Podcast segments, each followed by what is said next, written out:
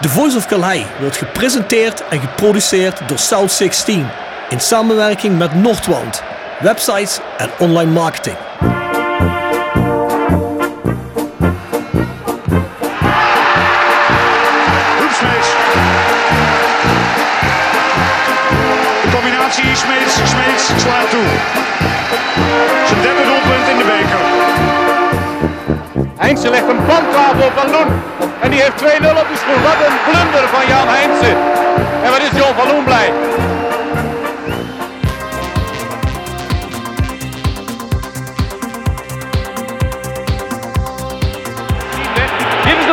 Voor Roda. Graaf en het is 1-0. Weer Maurice Graaf. De kooltjes diep bij uitstek. Dit is zijn zevende. Oh but But Aïe aïe aïe Rames est loupé Dans quelques instants, il y a but de Lawol Et maintenant c'est Roda qui met deux buts Prachtige circusbewegingen zet. Oh, oh, oh, oh, oh. Aruna Kone. Wat een weergaloos doelpunt. Dit is een lekkere bal. Ka. Oh, ho, ho, ho. Kaboom. Vente. Probeert het van afstand Dylan Vente. En dat is de knal die Roda nodig had. Voor een terugkeer in deze wedstrijd. Iemand moest dat lontje aansteken.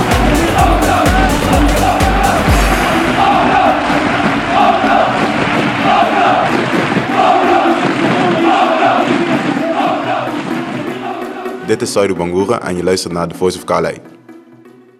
Ja, goedenavond. Jasper Klute. Goedenavond Rob.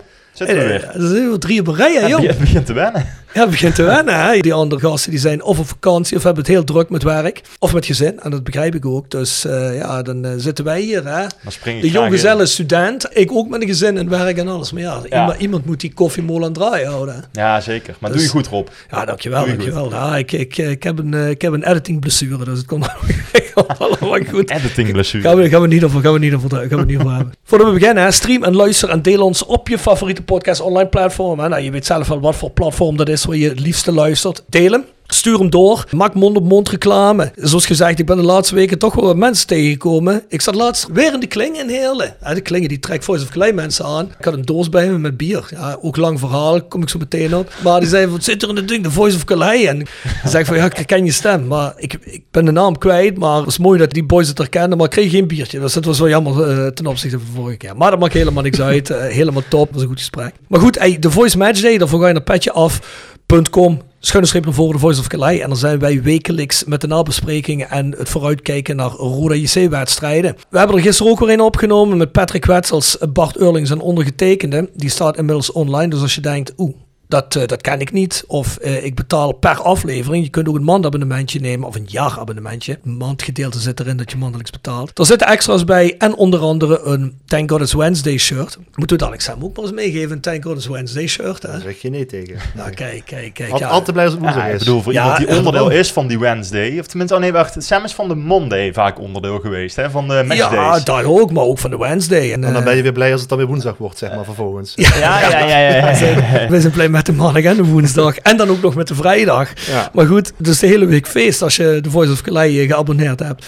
Maar goed, hè, eh, ga daarheen. Petjeaf.com, schuine streep voren, de Voice of Calais. Voor de rest nog wat mededelingen. We hebben natuurlijk een south16.com online shop. Daar vind je van alles en nog wat. Wat streek gerelateerd is. En Rode JC gerelateerd is. Fanmerch, hè. Bovendien eventjes een beetje reclame maken. Er zit tegenwoordig ook de Bon van Pain merch op. Die wordt via de South 16 website voor wie niet weet wat Bon van Pain is. Dat is mijn band. En degene die de webshop van tevoren deed is een beetje gekapt. Dus ik heb gezegd, ah, waarom doe ik dat niet zelf? Weet je, ik heb zoveel tijd over. Dus dat ga ik ook nog erbij doen. Ik wou net zeggen, je doet al niks erop. Nee, ik doe helemaal niks. En eh, Weet je ons- zeker hè, dat die blessure dat het geen overbelasting is, langzaam maar zeker. Ja, ik zeg het, ook een editing blessure. Ja. Maar eh, ja, trouwens, onze goede vrienden van Kerkel Tropical verkopen ook via de south16.com website hun merch. Ja, trouwens, heel even gefeliciteerd met 10.000 likes op Instagram. Ja, dat zijn, tegenwoordig zijn het mijlpalen. hè. Als je vroeger tegen iemand zei met Instagram, toen het net was, zei iemand van ja, leuk, zijn toch een paar foto's. Maar tegenwoordig, ja, zijn dat accomplishments. ja, schitterend. Zou Sam het en een shirt al hebben trouwens? Ik heb het en een shirt niet, maar ik vraag me eigenlijk af waarom niet. Want ik ben enorm fan van Keer God. Ja, fantastisch. Ja, echt. oh. Vooral, vooral de Nigel Geerlings. Nigel. Geerlings Oh, fanclub. heerlijk. Oh, heerlijk. Ja, maar, Ja. j- maar jullie hebben geen groetjes uit Parkstad eh, shirt met Nigel Gerlings erop. Nee, die niet. Ja, Die jongens, niet. zei, Die- eh, dat is wel nog nou weer? Dat was een collaboratie tussen Kerk Groot Tropical en South 16. Maar goed, eh, misschien komen we weer terug. Ik heb wel stickers van ze, dat dan weer wel. Ah ja, kijk, dat is goed, dat is goed. Maar nog Nou, geen slippers. Nee, nog niet. Nee. Volgende stap. Nou, Ties en Jos, er is genoeg reclame gemaakt voor jullie hier. Dus eh, ga maar naar Kerkel Tropical Insta, dan krijg je alle info van die boys. Eh, ze hebben trouwens ook een, volgens mij een pubquiz in november. Maar die is al vol. En een nieuwjaarsfeestje volgens mij op 5 januari. Dag 5 januari. Het zal de eerste zaterdag van de maand is in ieder geval. Dus eh, ga daarheen. Voor rest, wij zijn rodec.nl voor ons Roda Instagram en het Roda JC Museum. Die kun je bezoeken, fysiek en virtueel. Hè, als je Roda-fan bent. En dan vind je een hele hoop info en mooie dingen. Trouwens, ik zag alweer dat het Roda Museum op zoek is naar een nieuwe locatie. Ja. ja we zijn het hier zo vaak aan het zeggen. Wanneer eh, gaat Roda nou eens thuis geven?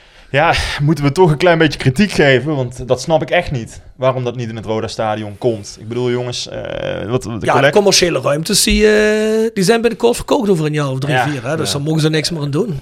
Nee, ja, oké, maar goed, eh, het, is zo'n stukje geschiedenis van Roda. Misschien dat Beleef Kerkraden voor de toekomst een ruimtedag kan afvuren voor de jongens. Is Ja. een stukje stadscultuur? Dat, eh, dat zou mooi zijn. Ja. Want laten we heel eerlijk zijn.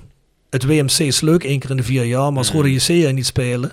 Nee. Nou, dan weet ik nog Nee, net dat zo niet hoeveel mensen Kerkrade zouden kennen in den landen. Maar goed, dus eh, ja, hinder Roda, hinder de gemeente Kerkrade, doe er iets mee. Want er staat veel te veel mooie dingen die nu de afgelopen jaren al veel te moeilijk te bekijken waren. Omdat die jongens geen fatsoenlijke locatie hebben. Nou, we gaan ook weer beginnen komende maand met de Sinterklaas en kerstinzamelactie. Hè. Als mensen niet weten wat dat is, dat is de inzamelactie waar wij speelgoed, snoepgoed, allerlei dingetjes, hè, eh, wel heel en niet, eh, niet kapot, niet smerig, inzamelen, tweedehands. Je mag ze ook nieuw kopen. Je mag een financiële gift geven voor kinderen in de regio, Parkstad. Eigenlijk kinderen die het minste hebben en die met de kerst en Sinterklaas vaak ook eh, heel bekijkt ervan afkomen. Ja goed, geen enkel kind zal met Sinterklaas of kerst verdrietig moeten zijn omdat hij niet een mooi cadeautje krijgt. Mensen, we gaan die data bekendmaken komende week. Breed wordt er weer ondersteund, ook door Rode JC trouwens, die 100 tickets voor kinderen bereid gaan stellen voor een wedstrijd te bezoeken. Dus daarvan ook dank aan Rode, maar voor de rest ook Unive doet er mee. Eh, Business Club Young Potentials en er zijn er nog een aantal mensen en organisaties die actief meewerken om het speelgoed ingezameld te krijgen. En de stewards bij Roda, want we mogen altijd de stewardruimte gebruiken. En er zijn een reeks van stewards die ons helpen met het inzamelen en het checken, het schoonmaken van, eh, van spulletjes. Dus er komen weer twee data voor. één voor de kerst en één voor de Sinterklaas. Dus hou je ogen open en als je iets over hebt wat je weg kunt geven of wat je kwijt kunt, laat het ons weten en lever het dan daarin. Het komt op de juiste plek terecht en we werken met een aantal organisaties samen en ook heel ongecompliceerd, onbureaucratisch in de wijken. Nou, en nu komen we op die doos bier waar ik het over had bij de klingen. South 16 en Aspro Brews. Wat is Aspro Brews? Dat is een eh, brouwerij uit het Zusterse. Dan zullen mensen zeggen, ah, Zuster, hè? Waarom, eh, waarom het Zuster? Waarom niet kort erbij? Ja, we hebben ook eens aan, eh aan brouwerij Roduc gevraagd. Maar ik kreeg geen antwoord op de e-mail terug. Dan kennen we hem ook wel. Dus misschien gaat er wellicht in de toekomst ook iets gebeuren. Maar Aspro Brews, dat is een van de jongens die ook bij de Young Potential zit. En die was Voice of Calais fan. En die zegt, ja... Waarom doen wij niet een keer iets samen? En dat idee had ik eigenlijk ook. Dus eh, we hebben daar een beetje over gebrainstormd in de klingen afgelopen zaterdag voor de wedstrijd onder het genot van een lekker biertje. Dus binnenkort gaat er een bier komen. En ik zou je wel aanraden, ga eens naar de jongens toe van Espro Brews. Dat is heerlijk craft bier. Eh, ze zijn nog niet zo lang bezig, maar ze hebben wel een hele reeks biertjes. En dat was het bier wat ik op de brouwerij bij de Young Potentials toen gedronken heb. En alle vier de biertjes waren lekker. Anders zou ik er nooit ja op zeggen. Dus ja, ik zou zeggen, ga daar ook eens kijken. Voor de rest natuurlijk de Rode seizoenskaart. Er is een drie vierde kaart. En er zit een bonnenboekje bij. En ik moet een shout-out geven naar Bart Zevenig. Veiligheidscoördinator van Rode. Die appte me vorige week naar de podcast met Walidou Chic. En die zegt, Rob, ik ben het nu zat. Dat commentaar over dat bonnenboekje. Je bonnenboekje ligt hier. Want het is inderdaad naar Essen gestuurd. Waar je van tevoren woonde. dus het ligt bij mij klaar in de receptie. Dus ik ga het van de week even halen. Goed gedaan Bart. Dankjewel. Dus behalve veiligheidscoördineren. Kan die ook boekjes eh, met bonnen coördineren. Ja, ben dat blij dat die soap er ook op zit. hè? ja, hoe blij dat die soap erop zit. Ja, ik wil mijn bonnenboekje. Anyway, the voice of Calais at south16.com is ons e-mailadres. Zijn we eindelijk van de hele introductie af. Dat was Ja. een heel lange vandaag. Hè? En dan komen we meteen bij de voetbaltrips.com tip van de week. Tip van de week. Voetbaltrips.com presenteert de tip van de week. Voetbaltrips.com is de best beoordeelde aanbieder van voetbaltickets en reizen door heel Europa. Of je nou op zoek bent naar losse tickets voor Dortmund of een complete reis naar Barcelona. Met de kortingscode TVOK10 krijg je 10 euro korting per persoon op het complete assortiment. Ga snel naar voetbaltrips.com en boek jouw voordelige droomreis. Tevens gepresenteerd door Jegers Advocaten. Ruist de Berenbroeklaan 12 in Heerlen. Hart voor weinig, nooit chagrijnig. www.jegersadvocaten.nl En Nextdoor Kapsalon, Nagel en Beauty Salon op de locht 44A8 te Kerkrade. Tevens gesteund door Bovens Bouwadvies, uw partner in VVE-beheer. Wij ontlasten en ontzorgen uw VVE op financieel en technisch gebied. Voor VVE-beheer op hoog niveau moet u bij Bovens Bouwadvies zijn. Met Bovens Bouwadvies als beheerder staat uw VVE bovenaan in de ranglijst.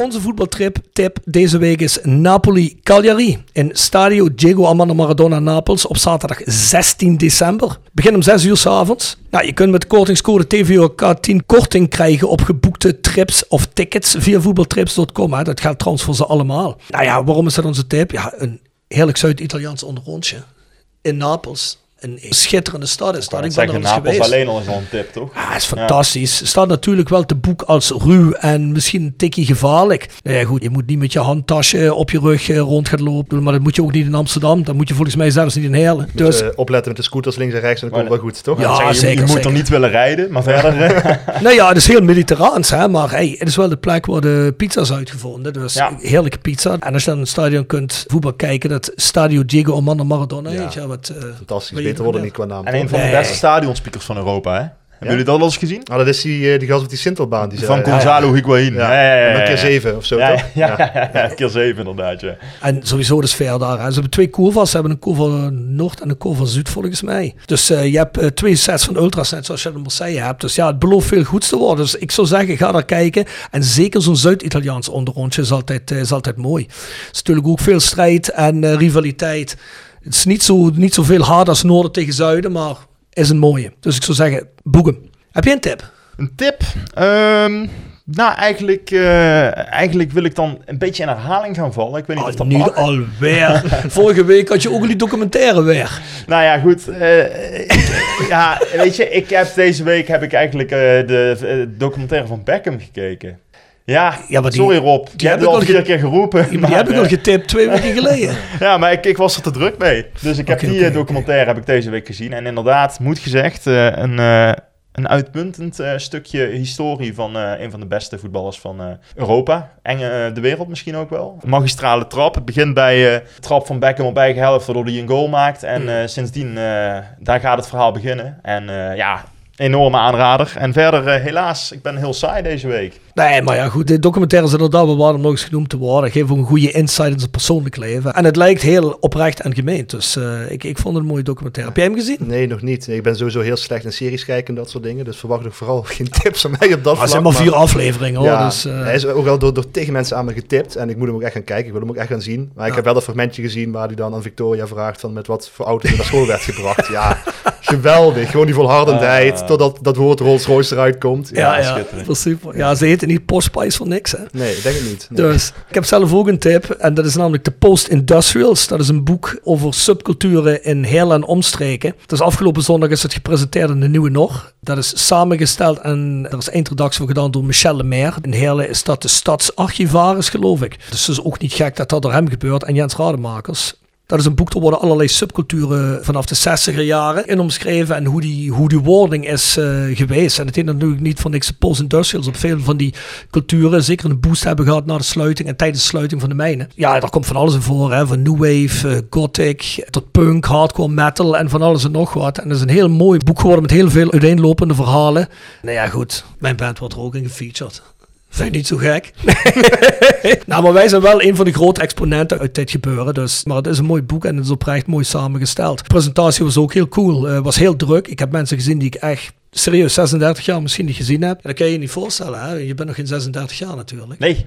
Nee, 36 of niet? Nee, zeker niet. Kijk, die mensen die hebben gezien voordat jullie geboren worden de laatste keer. Maar hopelijk ga ik die binnenkort weer een beetje vaker zien. Op veel vlakken was het een mooi iets. Je kunt dat krijgen volgens mij op allerlei plekken in Heerlen. Volgens mij in Output bij de Nieuwe Nog. ehm, bij eh, platenzaken, ik geloof bij Didi en bij volgens mij Satisfaction. Dus ik zou zeggen, als je het kunt pakken, pak het, want dat is fantastisch. Hey, eh, jullie horen het al, onze gast hier is Sam Kale. Presentator bij L1 Sport. Sam zit ehm, vooral bij de rode wedstrijden en natuurlijk bij het eh, Formule 1 gebeuren. Maar als je een beetje het Limburgse sportgebeuren volgt en wel eens alleen kijkt, dan weet je natuurlijk wie Sam Carl is. En doet natuurlijk de radioverslagen bij de wedstrijden. Hè? Ja. Ja, hoi, goedemiddag, avond. Ja.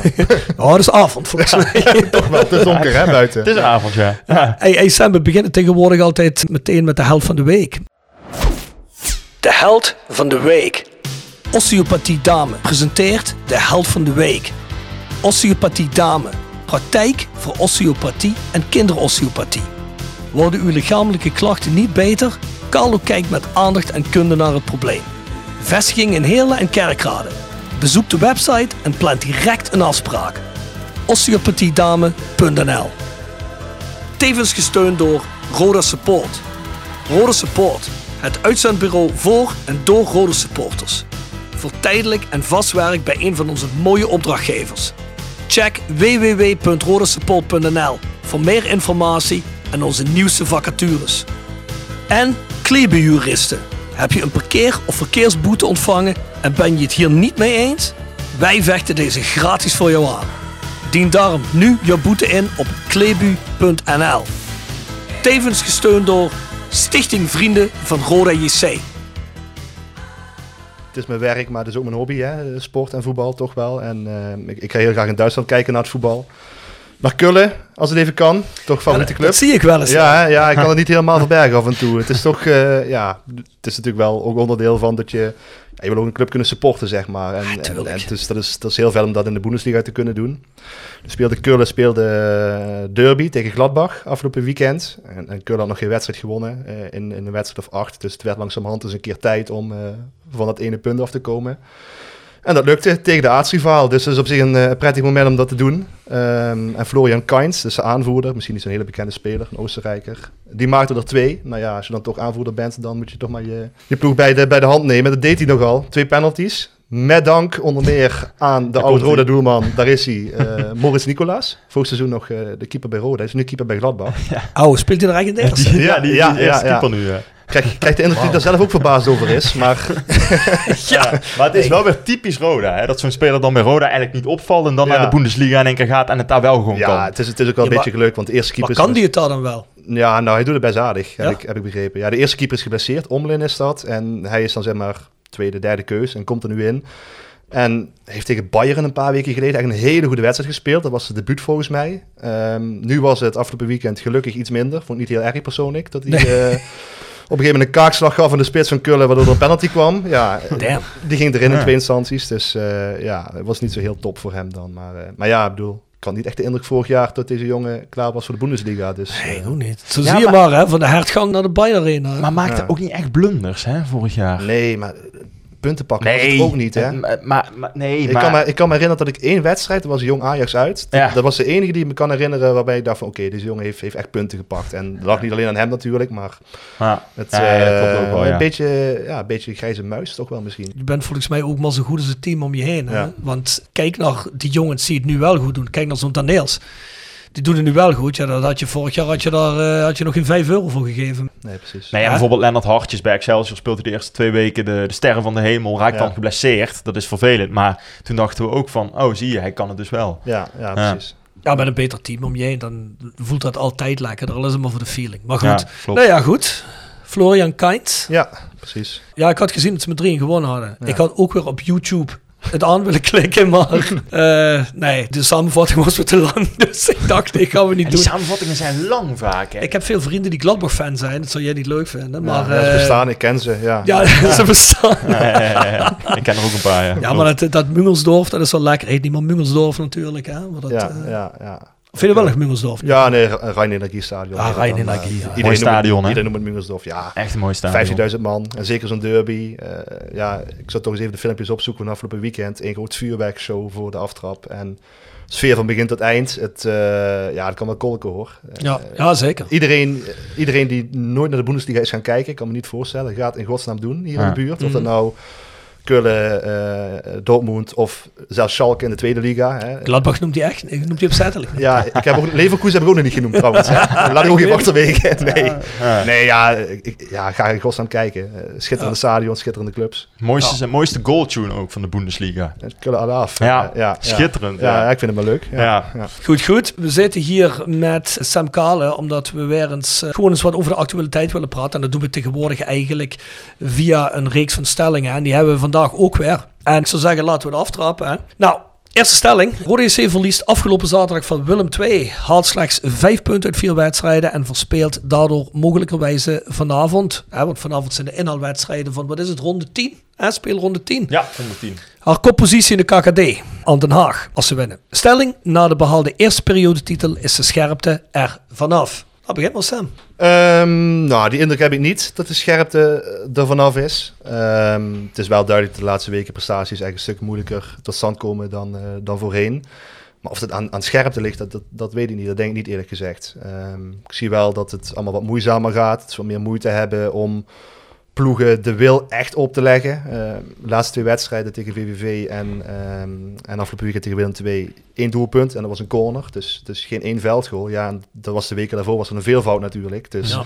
ja, er is wel iets anders, maar eh, scherpte, ja, dat denk ik niet. Ook omdat ze juist heel, hard- heel hard hebben geroepen, ook continu van, ja, goed, de periodetitel, dat zal wel, we willen door. En trainer die er heel kort op zit wat dat betreft. Dus ik kan me niet voorstellen dat de boel verslapt. Ook omdat ik denk vooral iedereen toch een soort van steeds meer een geloof zou moeten krijgen de laatste weken van, misschien zit op de lange termijn wel wat in. Dus ja, scherpte kan me niet voorstellen dat het daaraan ligt. Ik zeg ook eh, oneens, want eh, ik denk dat eh, het ook gewoon te maken heeft met, met de tegenstanders die je hebt getroffen de laatste twee weken. Het zijn gewoon, vind ik, lastigere ploegen dan die we in de eerste periode hebben gehad. Dus het, daar krijg je ander soort wedstrijden tegen. Maar ik vind wel dat een aantal spelers niet heel scherp meer zijn. En dan heb ik het over Enrique Peña bijvoorbeeld. Eh, dan heb ik het over ook Walid Opsik, die wel wat steekjes heeft laten vallen de laatste twee weken.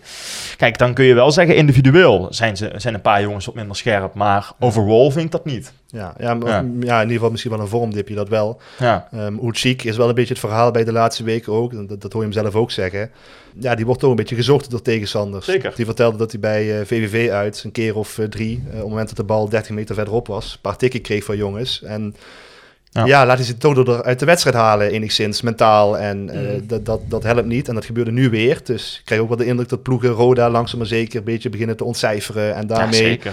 eh, misschien ook wel de pijnpunten langzaam maar zeker blootleggen. Je kunt het ook inderdaad wel zo uitleggen dat, dat scherpte ook is. Dat je daar je oplossingen voor vindt. Ja. Of dat je daar, daar overheen stapt. En daar hebben ze wel een beetje moeite mee. Dat, dat ben ik wel met je Ja, eens. ik vond wel dat, of dat namen we aan, en dat werd ook eigenlijk zo gepropageerd door de technische staf, dat er toch echt een mentaliteit geselecteerd is. En dan, dan vind ik dat wel een beetje raar, eh, dat wat jij nou net zegt, want dat, dat, dat wist ik niet, dat die op die manier gezocht werd, zelfs als de bal niet in de buurt is. Kan ik me natuurlijk wel voorstellen, hè? alles om iemand uit de wedstrijd te halen. Maar dan zou je toch, als je mentaal sterk bent, zou je dat toch eigenlijk niks moeten interesseren, of je geeft eens een keer een tik terug en dat is het. Ja, ja hij, hij zei daar zelf ook over van... ehm, dat hij vorig jaar natuurlijk bij Volendam speler... Hè, ehm, ja, stond hij toch een stukje minder in de picture. Het is nu toch een beetje het, het, en angelpunt van Roda. Hè? Ja. Het is de Ja. team, het is een spelmaker. Hij maakt doelpunten, hij geeft assist.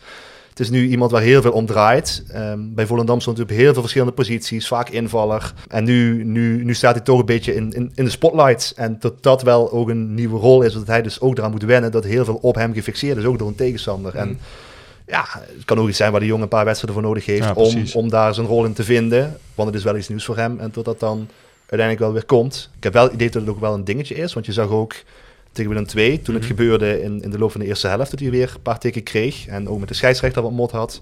Tot Boyd Rijt naar hem toe kwam om hem ook, ehm, zeg maar, een soort eh, tot kalmte te manen. Dus ja, ik heb wel het idee dat ze wel in de gaten hebben dat daar iets mee moet gebeuren. Dat wel. Ja, dat zal ook moeten. Want ja, Ja. als je zo'n belangrijke spelers op, op, op zo'n momenten dat er dan toch druk op hem komt, hè, en dan Ja. fysieke druk op hem komt, ja, dan kun je niet door de wedstrijd laten halen. Moet het trouwens wel zeggen, ik vond hem wel dat hij zich wel herstelde in die wedstrijd. Kwam, in de loop van de tweede helft kwam hij weer op gang en Ja, eh, eh, had even 20 minuten nodig, maar ik vond hem daarna wel prima spelen op zich toch wel. Ja. Van Zauner maak ik me een stuk meer problemen. eh, maak ik me een stuk meer zorgen als ik het, als ik het zo zie. Ja. Eh, die begon supergoed. eh, scoorde veel. eh, was, was aanwezig. En, en nu zie je...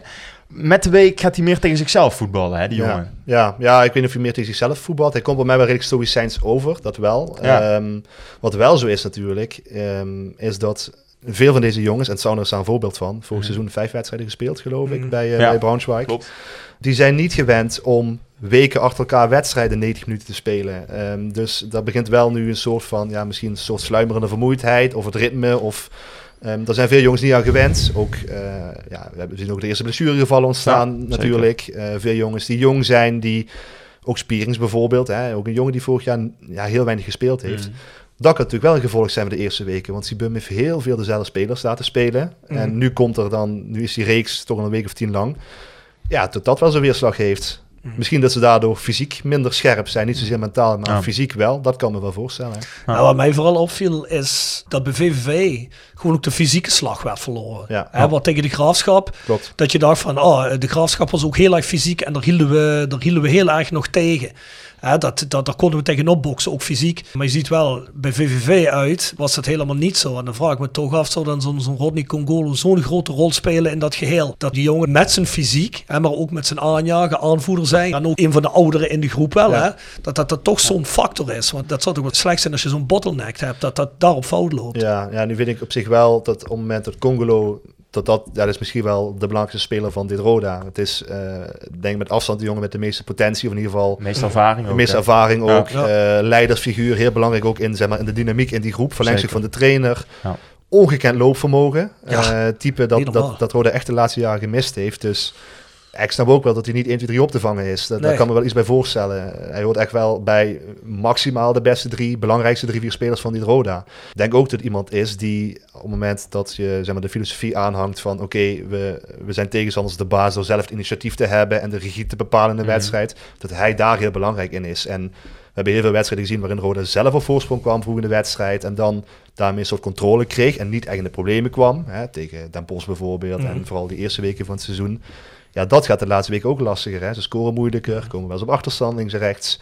Ja, daar heeft hij ook wel een aandeel in, denk ik. Dus Ja. in dat opzicht denk ik echt wel een hele belangrijke schakel is die ze missen.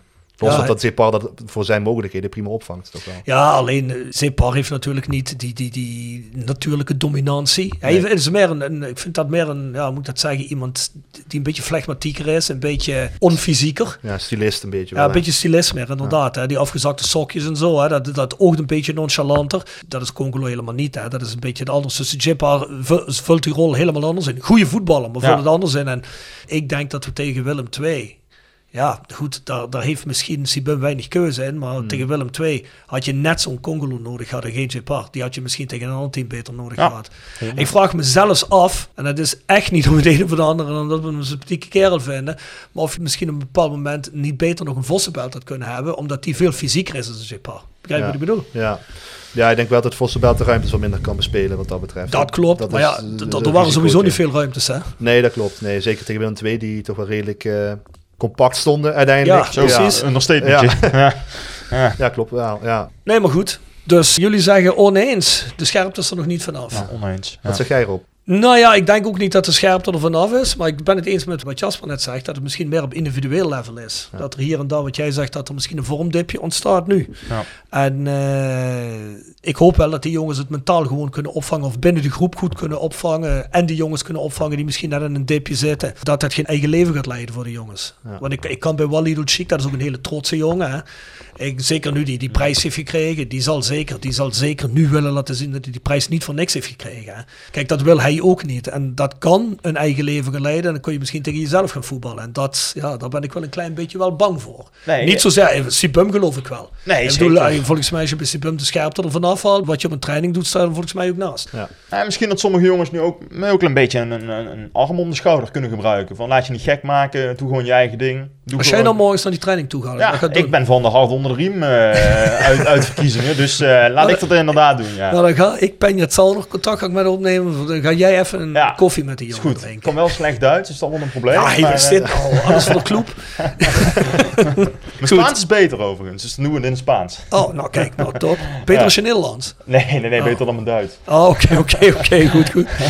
Hey, stelling nummer twee In september was alles rond Rode JC Halleluja met uitblinkende spelers en een ogenschijnlijke bredere bank dan gedacht. Nu een reeks belangrijke spelers uit vorm of geblesseerd is, blijkt het voetbaltechnisch moeilijker als een maand geleden gedacht. Stelling, Rode JC is minder sterk, ook in de breedte, dan we allemaal aanvankelijk dachten. En dan moet ik heel even een kleine kanttekening bijzetten. Helemaal aanvankelijk in het begin dachten we helemaal niet dat we zo breed waren. Maar na vier wedstrijden dachten we opeens, die bank van ons, die scoort aan de lopende band. Wij hebben best een brede selectie.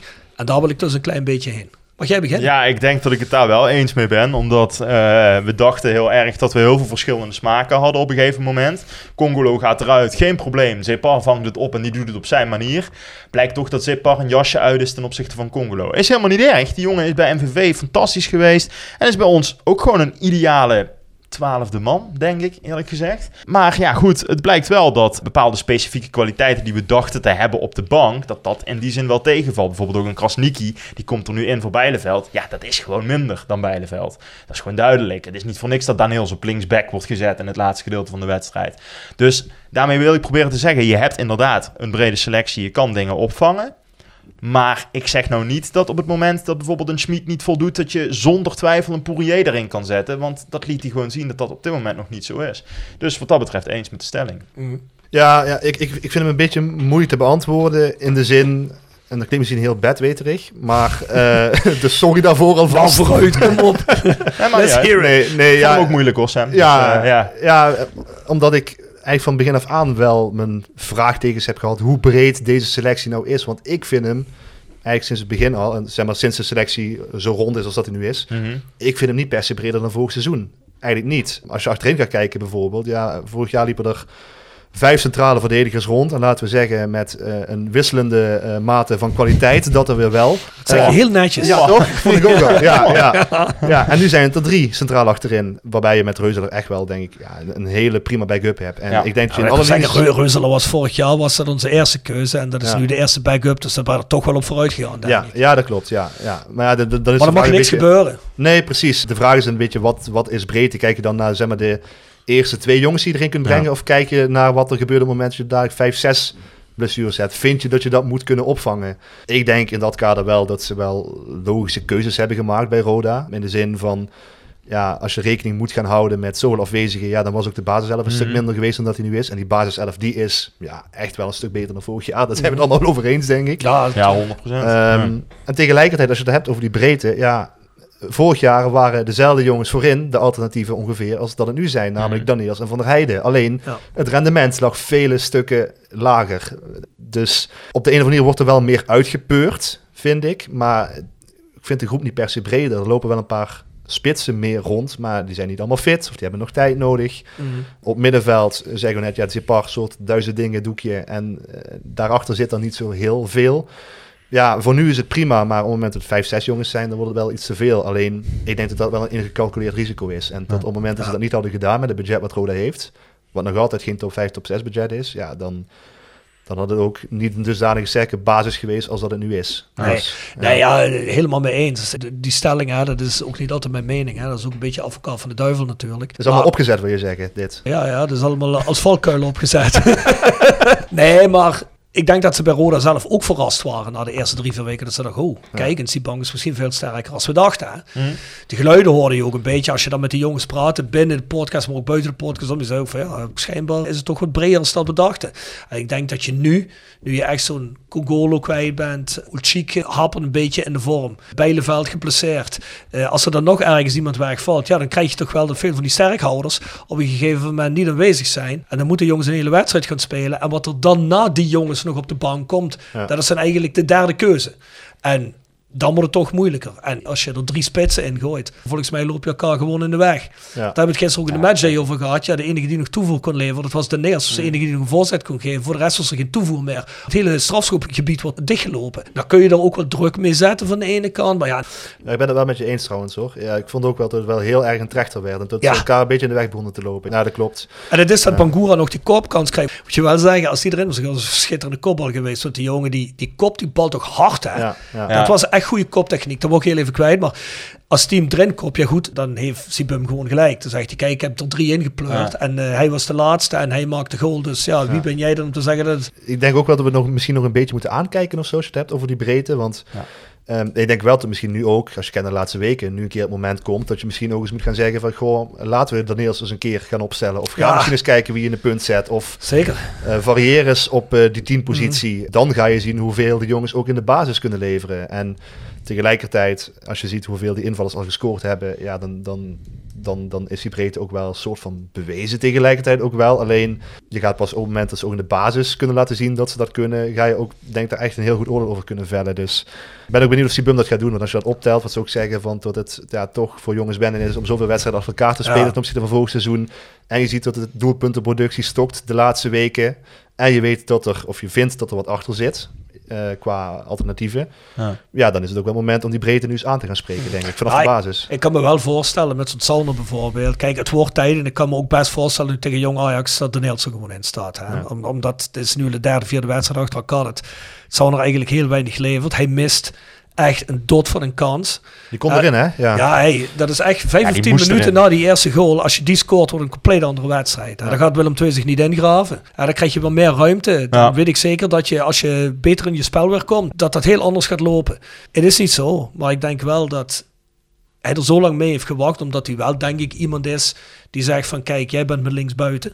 En dat hij dat niet gewoon na zeven wedstrijden kan zeggen, ja, nu ben je mijn linksbuiten niet meer. Hij wil wel, denk ik, tot het gaatje gaan met zijn jongen. Zo van, ehm, Ja, maar laten we wel wezen. Ik bedoel, als je ook zes van de eerste zeven wedstrijden wint, ja, dan zou ik mijn basisopstelling ook wel laten staan. Nee, nee, weet ik wel. Maar eh, ik vond Sauner wel eigenlijk de eerste van die elf. Ja. Waarvan ik dacht van, man, begint toch, als ik bij iemand mijn twijfels begin te Ja. krijgen of die de baas wordt, is het Sauner wel. Sauner was de eerste speler die in een klein beetje in een verval kwam. Ja, Hij, bouw, hij bouwde zijn krediet op met de wedstrijden tegen Den Haag, met de, wedstrijd, eh, de eerste wedstrijd en met de wedstrijd tegen denk ik, Top Os, waarin hij ook goed speelde. Maar ehm, ik vind daarna, dus eigenlijk vanaf wedstrijd 4, die wedstrijd tegen NAC, dat hij die bal, of nee, 5 is dat, die bal, dat hij de bal nog erin slingert, maar daarna heeft hij eigenlijk heel weinig meer laten zien, vind ik. Ja, ja, het, is ook, het is ook wel een beetje een, een jongen die uit het niets ook wel iets kan. Hè? Dat, dat, Dat geeft wel. altijd Ja, aan klopt hem. wel, ja. Maar ja, Dat wel. dat, dat, dat denk ik dat ook wel... Het is altijd wel een soort van verrassing in zijn spel. Maar dan moet het wel, wel zijn. Als dat ook uitblijft, Ja. dan, dan is het rendement natuurlijk heel laag. Ja, Ik precies. ben, ik ben zelf wel heel benieuwd naar de spitspositie eigenlijk. Want ja, Mhm. ik denk dat Schmid wel echt duidelijk de eerste spits is. Maar Mhm. ja, die zit er niet heel lekker in de laatste weken. Ook niet. Het ligt ook aan de tegenstander, hè? Ja, ja, maar goed. ehm, op het moment dat je zo'n goed draaiend elftal bent en je spits komt al, al weken er niet aan te pas. Of ja, aan Mhm. te pas is misschien overdreven, maar ik vond tegen VVV bijvoorbeeld meevoetballend nog wel goed. Kon hij ook nog wel, zeg maar, wat overtredingen uitlokken Ja. en zo. Maar ik ben benieuwd, want als je kijkt naar een aantal doelpunten, ze komen er weinig van de spits af. Hè. Hij heeft er drie gemaakt Ja, en het staat nu weken droog. En die jongens daarachter, ja, die moeten het ook nog maar laten zien. Hè. Ik bedoel, Poirier moet die bal tegen VVV binnenschieten, doet hij niet. Ja. Gutslu viel ook niet heel gelukkig in, de laatste wedstrijden vond ik. Ja, Nee, en, en, en Bangura is optie 4, zeg maar. Dus ben wel benieuwd hoe dat verder gaat. Ik denk dat Schmid echt wel de eerste spits is, maar dat, daar is nog wel wat winst te behalen. Nou, ik, denk dat bijvoorbeeld tegen Jong Ajax, de vrijdag, dat is een ideale wedstrijd voor Maximilian dat zou Schmid. goed kunnen, ja. Want dan heeft hij meer ruimte in zijn rug. Dan kan hij eh, kappen en draaien, wat hij heel goed kan. Hè? Dat beheerst hij echt heel goed. Maar als hij een heel klein beetje fysieke tegenstand krijgt... dat merkte ik al in de wedstrijd tegen Helmond, tegen Top Os ook thuis... en nu ook weer tegen dat beest van een Beonek achterin... ja. ja, dan is hij kansloos. En dat is niet erg, maar dan moet je gewoon in die zin al eerder iemand anders erin zetten. Dat Ja. moet je bij voorbaat, vind ik, al zien. Dat je iemand anders erin zet. denken jullie niet toch dat Sibum dat niet doet omdat hij vindt dat het kwaliteitsverschil tussen Schmid en de rest toch zo groot is dat je dat niet aandurft tot een minuut of 10, Dat zal 15 zeker meespelen, ja, dat, denk, dat denk ik ook. Ja, en plus van dat eh, de jongens natuurlijk niet topfit zijn. Hè? Pourier helemaal niet. En Gutslu, ja, die kan ook maximaal een helft. En dan ben ik misschien een ruim in mijn telling eh, spelen. Wat is er eigenlijk met die Poirier nog altijd aan de hand? Is hij nog niet klaar een hele wedstrijd? Heeft hij nog pijntjes? Want we hadden het er ook gisteren over. Ook toch een klein beetje alsof hij een kilootje 2, 3 te veel heeft. Hè? Ja, ja nou, ik heb niet het gevoel dat het te zwaar is. Als in dat, zijn- dat, de- dat de balans niet klopt, zeg maar. Hè? Dat is vooral spiermassa. Dat is wel De echt... balans niet klopt. Vind ik Ja, mooi gezegd. ja, toch? ja, Ja, ja, mooi. wel. Ja. Ah, je, je mer- je merkt dat hij reporter is. Hè? Ja, ja, ja, altijd je woorden wegen, heel goed. Nee, nee, ja, goed. Hij heeft gewoon een gedrongen postuur, zeg maar. Hè? Ah, Maar ja. het is echt wel... wel, wel We geloven je, Sam. we Ja, toch? Ja, Ja, een beetje ja, een, ja. een bomber is het eigenlijk, Ja, hè? ja. Poirier. Ja, dus- Dus je bedoelt als iemand gedrongen en wat ogenschijnlijk een beetje die paar Rodi de Boer kilootjes te veel heeft, dat het een ja, bomber is. Zo werd Maurice Graaf toch ook vroeger genoemd, de bomber. Ja, ik zou ook de bomber kunnen zijn, ja, alleen ik ben niet gedrongen. Maar Goera de bomber van blije rijden, hè? Al, ja, dus, eh, die is niet gedrongen, nee. Nee, nee. dat, Niet dat gedrongen. Maar die Ja. Poirier, eh, Nou ja, goed, eh, meniscusblessure gehad. Hè? En hij, hij is midden 30. Dus ja, het is ook een beetje de vraag hoe topfit je daarvan terugkomt. Het is ook een ik zou niet zeggen een toevaltre- toevalstreffer geweest, maar het is ook een beetje een gokje geweest voor Roda om hem Tuurlijk, te halen. Eh, ze hebben het, het, het budget dat er voor Vente, of dat, dat Vente kostte ongeveer, ja, dat hebben ze uitgesmeerd over twee, drie spitsen nu. Mhm. Eh, wat best wel, wat ik best wel kan voorstellen, die, die tactiek wat ze daarop toegepast hebben. Maar er is er op voorhand geen een, een zekerheid van geweest dat hij er even heel veel in zou schieten. Want Nee. Schmid heeft het op dit niveau nog niet laten zien. Eh Gutslu is een jaar geblesseerd geweest. Deze jongen, ehm, ja, heel relatief onbekend. In Duitsland niet, maar bij ons wel. En geblesseerd binnengekomen. Dus ja, ik denk ook dat het gewoon een beetje aftasten is wat erin zit. Het is niet meer de jongste. Het herstelt Nee, allemaal wat nee, minder. nee. Mhm. Dus ah, ja, hij is vooral ook, hij wordt vooral ook gezien als aanspeelpunt. Maar dat vond ik ook niet heel overtuigend. Dus je moet niet alleen naar zijn doelpunten kijken, denk Ja, ik. ja, maar klopt. ook als, ook als kapstok vond ik hem ook nog niet overtuigend. Dus ja, misschien Nee. moeten we nog een beetje tijd geven. Maar- een beetje zo'n zo'n Valkenburg-rol zie ik voor hem weggelegd eigenlijk. Wat Valkenburg een paar jaar geleden ook had. Die was ook een beetje zo'n ja, maar- veteraan die je er nog altijd bij kon zetten. Ja, Ja, goed, maar dan vond ik Valkenburg toch een klein beetje wendbaarder en maar die, flegmatiek wa- wat daar die, was ook nog wel wat beter toen, Ja, vond zeker. ik. Maar, wel, wel, eh, wel een wat ander type, ja, denk ik inderdaad. Ja, Alleen als je het hebt over, over routine inderdaad, dan is het natuurlijk wel iemand die iets kan toevoegen. Maar mhm. vooral een bal vasthouden. En dat, ja, dat heeft Schmid niet echt. Het is niet iemand die met een tegenstander in de rug een bal kan Nee, afschermen. nee, zeker niet. En dat heeft Nee. Gucci ook niet aan zich. Dus Bangura dan wel weer meer, maar die staat in de pickorde lager. Dus ja, dat moet je dan wel laten zien als je, dat, als je Ja. daarvoor gehaald wordt, denk ik. The Sound of Calhei. Gepresenteerd door PC Data Logistics Automation. De partner voor leveren, installeren en onderhouden van geautomatiseerde ordeelverzamelsystemen. Zowel lokaal in kerkraden als globaal over heel de wereld. Zoek je een uitdagende job? Kijk dan naar onze vacatures op pcdata.nl. Ook worden we gesteund door Willeweber Keukens. Wil jij graag kwaliteitskeukendesign dat ook bij jouw beurs past? Ga dan naar Willeweber Keukens in de Boebegraaf 1 te Schinveld. Tevens gesteund door Visio Stofberg.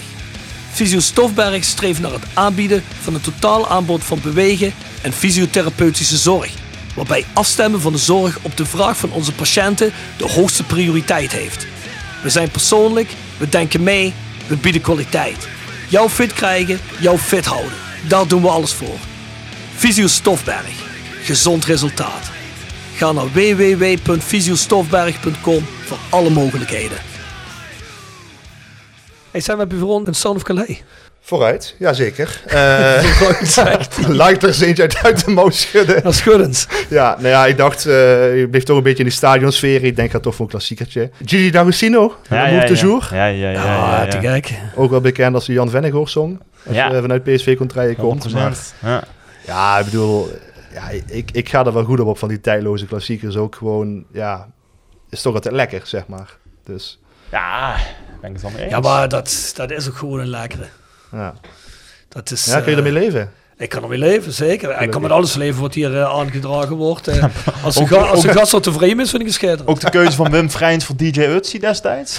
Hey, luister, als Wim Vrijns er gelukkig van wordt, dan, eh, dan, dan- word ik er ook gelukkig Dan van. vind ik mezelf nog niet eens zo smakeloos iets te horen. nee, nee, nee, nee, Nee, maar die Gigi D'Agostino, die zet ik zelf nog wel eens er nu en dan op. Gewoon lekker weer, hoppakee. eh, ook soms, ja, echt. vooral toen ik vroeger wel eens... vroeger klinkt dat al, toen ik tot verkort eh, vanuit Essen eh, naar, eh naar Kerkrade voor voetbal te kijken. Ja, dan ging die nog wel eens op. Ja. Gewoon lekker in de, in de mood komen. Mhm. Heerlijk, man. Ja, zeker. En we gaan naar stelling 3. Rode JC had tegen Willem II zichtbaar moeite met een ploeg die de bus parkeert tussen aanhalingstekens, hè, die zich ingraaft, of tegenstanders die weinig ruimte laten tussen de linies, zoals VVV uit naar het eerste half uur. Stelling, Rode JC heeft nog altijd geen echt tactisch plan B. Sam, jij mag wel beginnen. Ja, vooralsnog niet. Dus nee, eigenlijk, zeg maar. Ze hebben nog niet echt een tactisch plan B. Dus mee eens. Ja, eens, precies. Dat is ook lastig, hè, om gewoon je eens of oneens te zeggen. Ja, daar natuurlijk. maakt niks uit. Ja. Nee, eens. Ja, Daarvoor zit ik hier. Ja, dankjewel. het komt niet echt uit de verf, hè, zeg maar, het plan B. En het is ook wel de eerste keer dat ze het een soort van hebben moeten aanspreken. Want het was de eerste keer dat ze echt serieus op achterstand kwamen. Mhm. Eh, het is bij Jong Utrecht gebeurd, maar ja, toen was er nog een minuut over. Ja, En bij VVV stond het alweer in een vloeg en een zucht gelijk. Ging vrij snel allemaal. Ja. En nu moest er dus voor de eerste keer een soort van slotoffensief ontketend worden. Dus dat, als je dat bedoelt als plan B, zeg maar. nee, net Was- niet. Nee, Nee. nee precies. Dat, dat, dat, Alles wat anders is dan wat je normaal doet, kan als plan B natuurlijk Ja. omschreven worden. Maar Ja. dat is wat we net al zeiden. Ik vond dit zo bizar. ja. Dan heb je Dat het eigenlijk over het moment van de laatste 10 minuten heb je dan over. Ja, eigenlijk, dan, dat Ja. ik echt uit het pompen of verzuipen. Maar ja, er stonden zoveel man bij elkaar dat ik echt zoiets had van...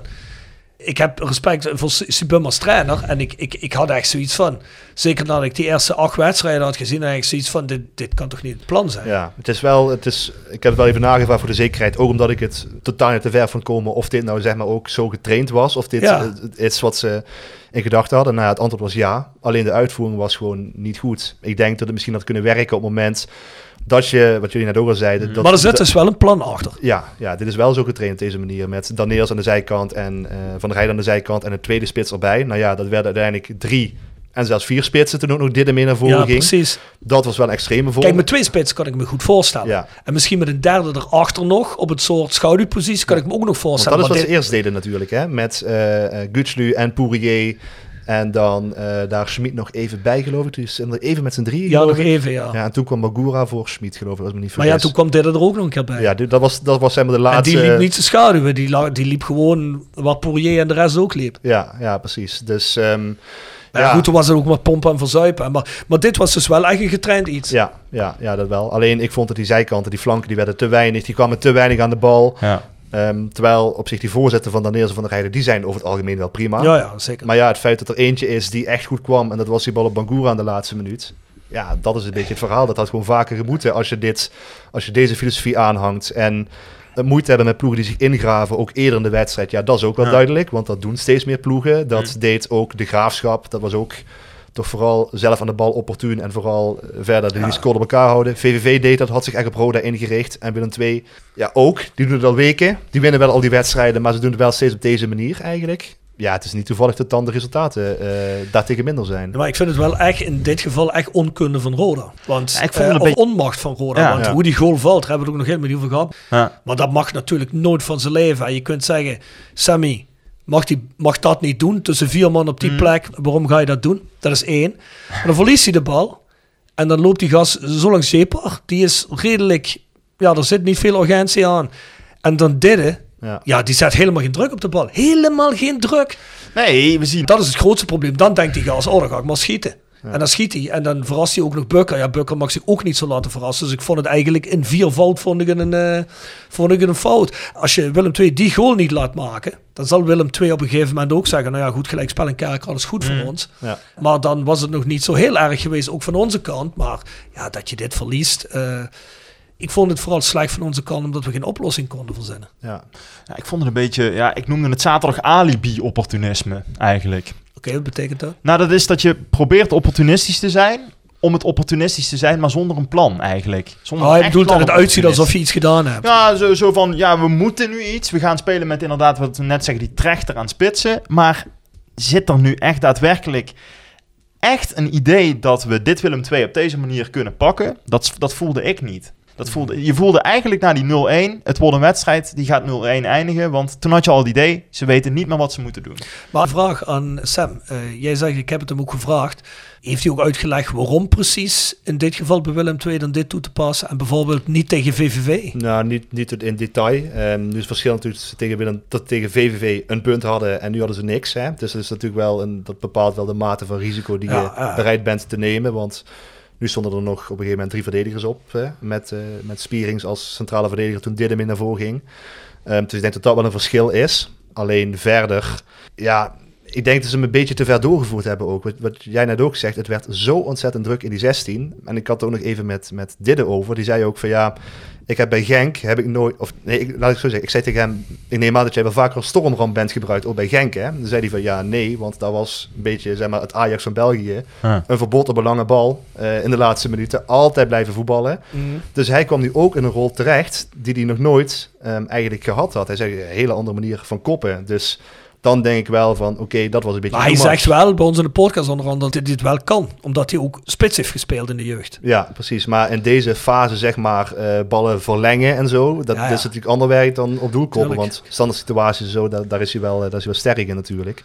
Maar het werd te veel, te veel van, ja, niet van het goede, maar van het slechte eigenlijk. Ja. Eh, met drie, vier man in de punt. Zeker als de ballen daar niet komen. Dus misschien dat ze hem gewoon iets te ver doorgevoerd hebben. Ja. Dat je er beter, verstandiger aan had gedaan om dan maar twee of drie mensen die punten hebben en dan voor meer aanvoer te zorgen. Ik denk dat dat Ja, misschien precies. een betere optie was Ja. geweest. Of dat je daar ook misschien Willem II iets meer uit de tent had gelopen. Want nu kon, zij kon een centrale verdediger erbij zetten. En Ja. daarmee, ja, Je wist precies wat er ging gebeuren. precies. Ja. Hun wisten ook precies, die bal gaat naar de zijkant, die komt erin. Dus als we, zolang we die weg kunnen kopen, is het goed. Ja. En ik vond het ook wel frappant, want ik vind ook tegelijkertijd wel van dit Roda, en dat is misschien een kracht en zwakte tegelijk. Ik vind ze over het algemeen zo stoïcijns in wedstrijden. Ja. Moet ik erbij zeggen, het zijn wel, de meeste wedstrijden hebben ze natuurlijk voorgestaan al vroeg in de wedstrijd. En Mhm. Hebben ze daarmee eh, altijd hun eigen spel kunnen spelen.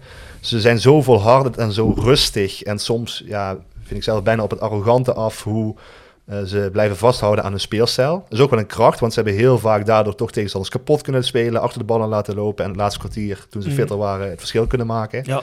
Ja, dat heeft wel gewerkt en dat hebben ze nu wel een beetje overboord gegooid met, met deze tactiek, het laatste half uur, om, om de boel te redden. Dus ja, of je daar de volgende keer weer voor kiest, dat, dat vragen we wel af. Ja, want dit is natuurlijk wel ook de enige keer hè, dat, dat je op achterstand komt, niet vroeg gelijk maakt, zoals tegen Ja. VVV. En dan krijg je het zo niet kapot gevoetbald. Ja. Dat Stoïcijnse, dat gold nu voor Willem II. Ja, Willem II zijn ook nooit echt in de problemen gekomen. Want wat hebben wij nou? Hebben wij 100% kansen veel gehad? ja die laatste denk ik, die kopbal van Magura, dat, dat is de grootste geweest. Dat is de grootste geweest, ja. En Ja. dat vond ik al geen 100% kans eigenlijk. Ja. Nou ja, goed, ik bedoel, komt die bal 10 centimeter lager, dan gaat hij er misschien in. Maar Maar aan de andere kant kun je het ook wel een ideale leerles noemen dit moment. Deze wedstrijd. Want eh, we, hebben nog, we hebben nog nooit zo'n wedstrijd gespeeld dit seizoen. In de KKD sowieso heel weinig keer gehad dat je dusdanig met een park de bus tegenstander te maken kreeg als Willem II de, van de eh, afgelopen zaterdag.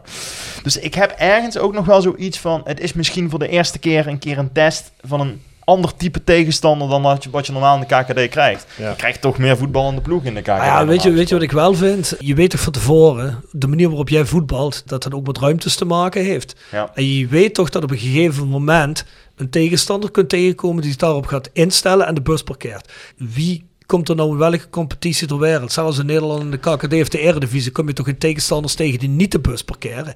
Bedoel, Dan moet je toch ook een oplossing voor Nee, dat klopt. hebben. Alleen ik denk dat Roda echt dit een keer heeft moeten ervaren. Dit Roda, hè? Dit, Ja. Roda van dit seizoen. Want dat hebben ze nog niet eigenlijk eerder gehad. Nee, dat klopt wel. Alleen vraag ik me dan af, daar kun je toch ook op trainen. En ik ben ervan zeker dat waarschijnlijk ze bij mijn technische staf denken van, nou ja goed, kijk, wij vertrouwen gewoon zo op onze speelwijze dat we denken dat we met onze speelwijze wel uitkomen. We hebben creatieve spelers, eh, we, we redden dat zo wel. Dat geloof ik ook en dat is ook toe te juichen. Alleen, nu leek het net van, ja goed, we hebben dit nou eh 20 minuten, kwartier geprobeerd naar die achterstand. Of meer dan een helft geprobeerd naar die achterstand. Dit lukt niet. Het lijkt net alsof ze nu van wit meteen helemaal naar zwart gaan. Ja. Wat jij zegt, dat die hele tactiek wordt gedropt. En het, het is nu alleen maar nog pompen of verzuipen. En dan moet ik het heel eerlijk zeggen. Hè, we hebben seizoenenlang ook geklaagd dat er geen plan B bij Streppel was. En dat hij dit nooit deed wat nu gebeurde. Om, om eens een keer opportun iets te doen. Van de andere kant ben ik ook wel blij dat hij iets probeert. Want als hij het niet had geprobeerd, was er misschien ook niks Nee, gebeurd. precies. Of hoe zien jullie dat? Ja. Als je was blijven tikken, dan had je dat weer als verwijt gekregen. Van, ja, ze, blij- ze blijven altijd tikken. En het gaat altijd op dezelfde manier. En ik denk dat het alleen tempo. op het einde iets te veel van het goede was. Ja. Nee, ja, dat vind ik ook. Ja. Tuurlijk, tuurlijk, dat klopt. Alleen ik denk dat je ook met zo'n tegenstander als Willem II in het veld ook wel op een gegeven moment denkt van ja, jongens, dit gaat hem echt gewoon niet worden op deze manier. Want als je de linies dusdanig gesloten houdt- als wat zij doen, dat lijkt me niet leuk voetballen als je daar op het veld staat. Tegelijkertijd, het is ook gewoon, het hangt zo, hoe je dit beoordeelt, hangt ook zo van het resultaat af. Als Magura die bal binnenkomt in de laatste minuut, dan zegt iedereen van, nou ja, Ja. oké, toch een punt eruit gesleept uit het vuur. En ik denk dat het gelijkspel, gezien het wedstrijdbeeld, wel oké was geweest. Want Roda Mm. voetbalde, denk ik wel beter, maar is wat jullie ook zeggen, zoveel Mm. uitgespeelde kansen zijn er niet geweest. Dus ik denk dat een 1-1 Het zou er, hè? Ja, ja, ja. die, die moest erin. En Sibum zei ook na afloop van ja, Willem II is nu al vijf wedstrijden op rij eh, de mindere ploeg. Maar winnen ze wel alle vijf. Dus ja, eh, dat zal ook wel kwaliteit zijn Ja, op een of andere ja, manier. ja, maar niet uit hoe je het doet, als je het maar doet. Dus eh, Wie was dat nou vorig seizoen? Was het niet Emmen vorig seizoen? Nee, het seizoen daarvoor. Volendam bedoel je toen? Ja, precies Volendam. Ja. Oh, dat was ook het meest saaie voetbal. Ja. Die sleepte wel altijd de punten eruit. Ja, dat was, dat was echt een zuigploeg. hè. Ik bedoel, ik, bedoel, wil niet beetje zeggen dat wij zo'n heel seizoen Roda willen zien.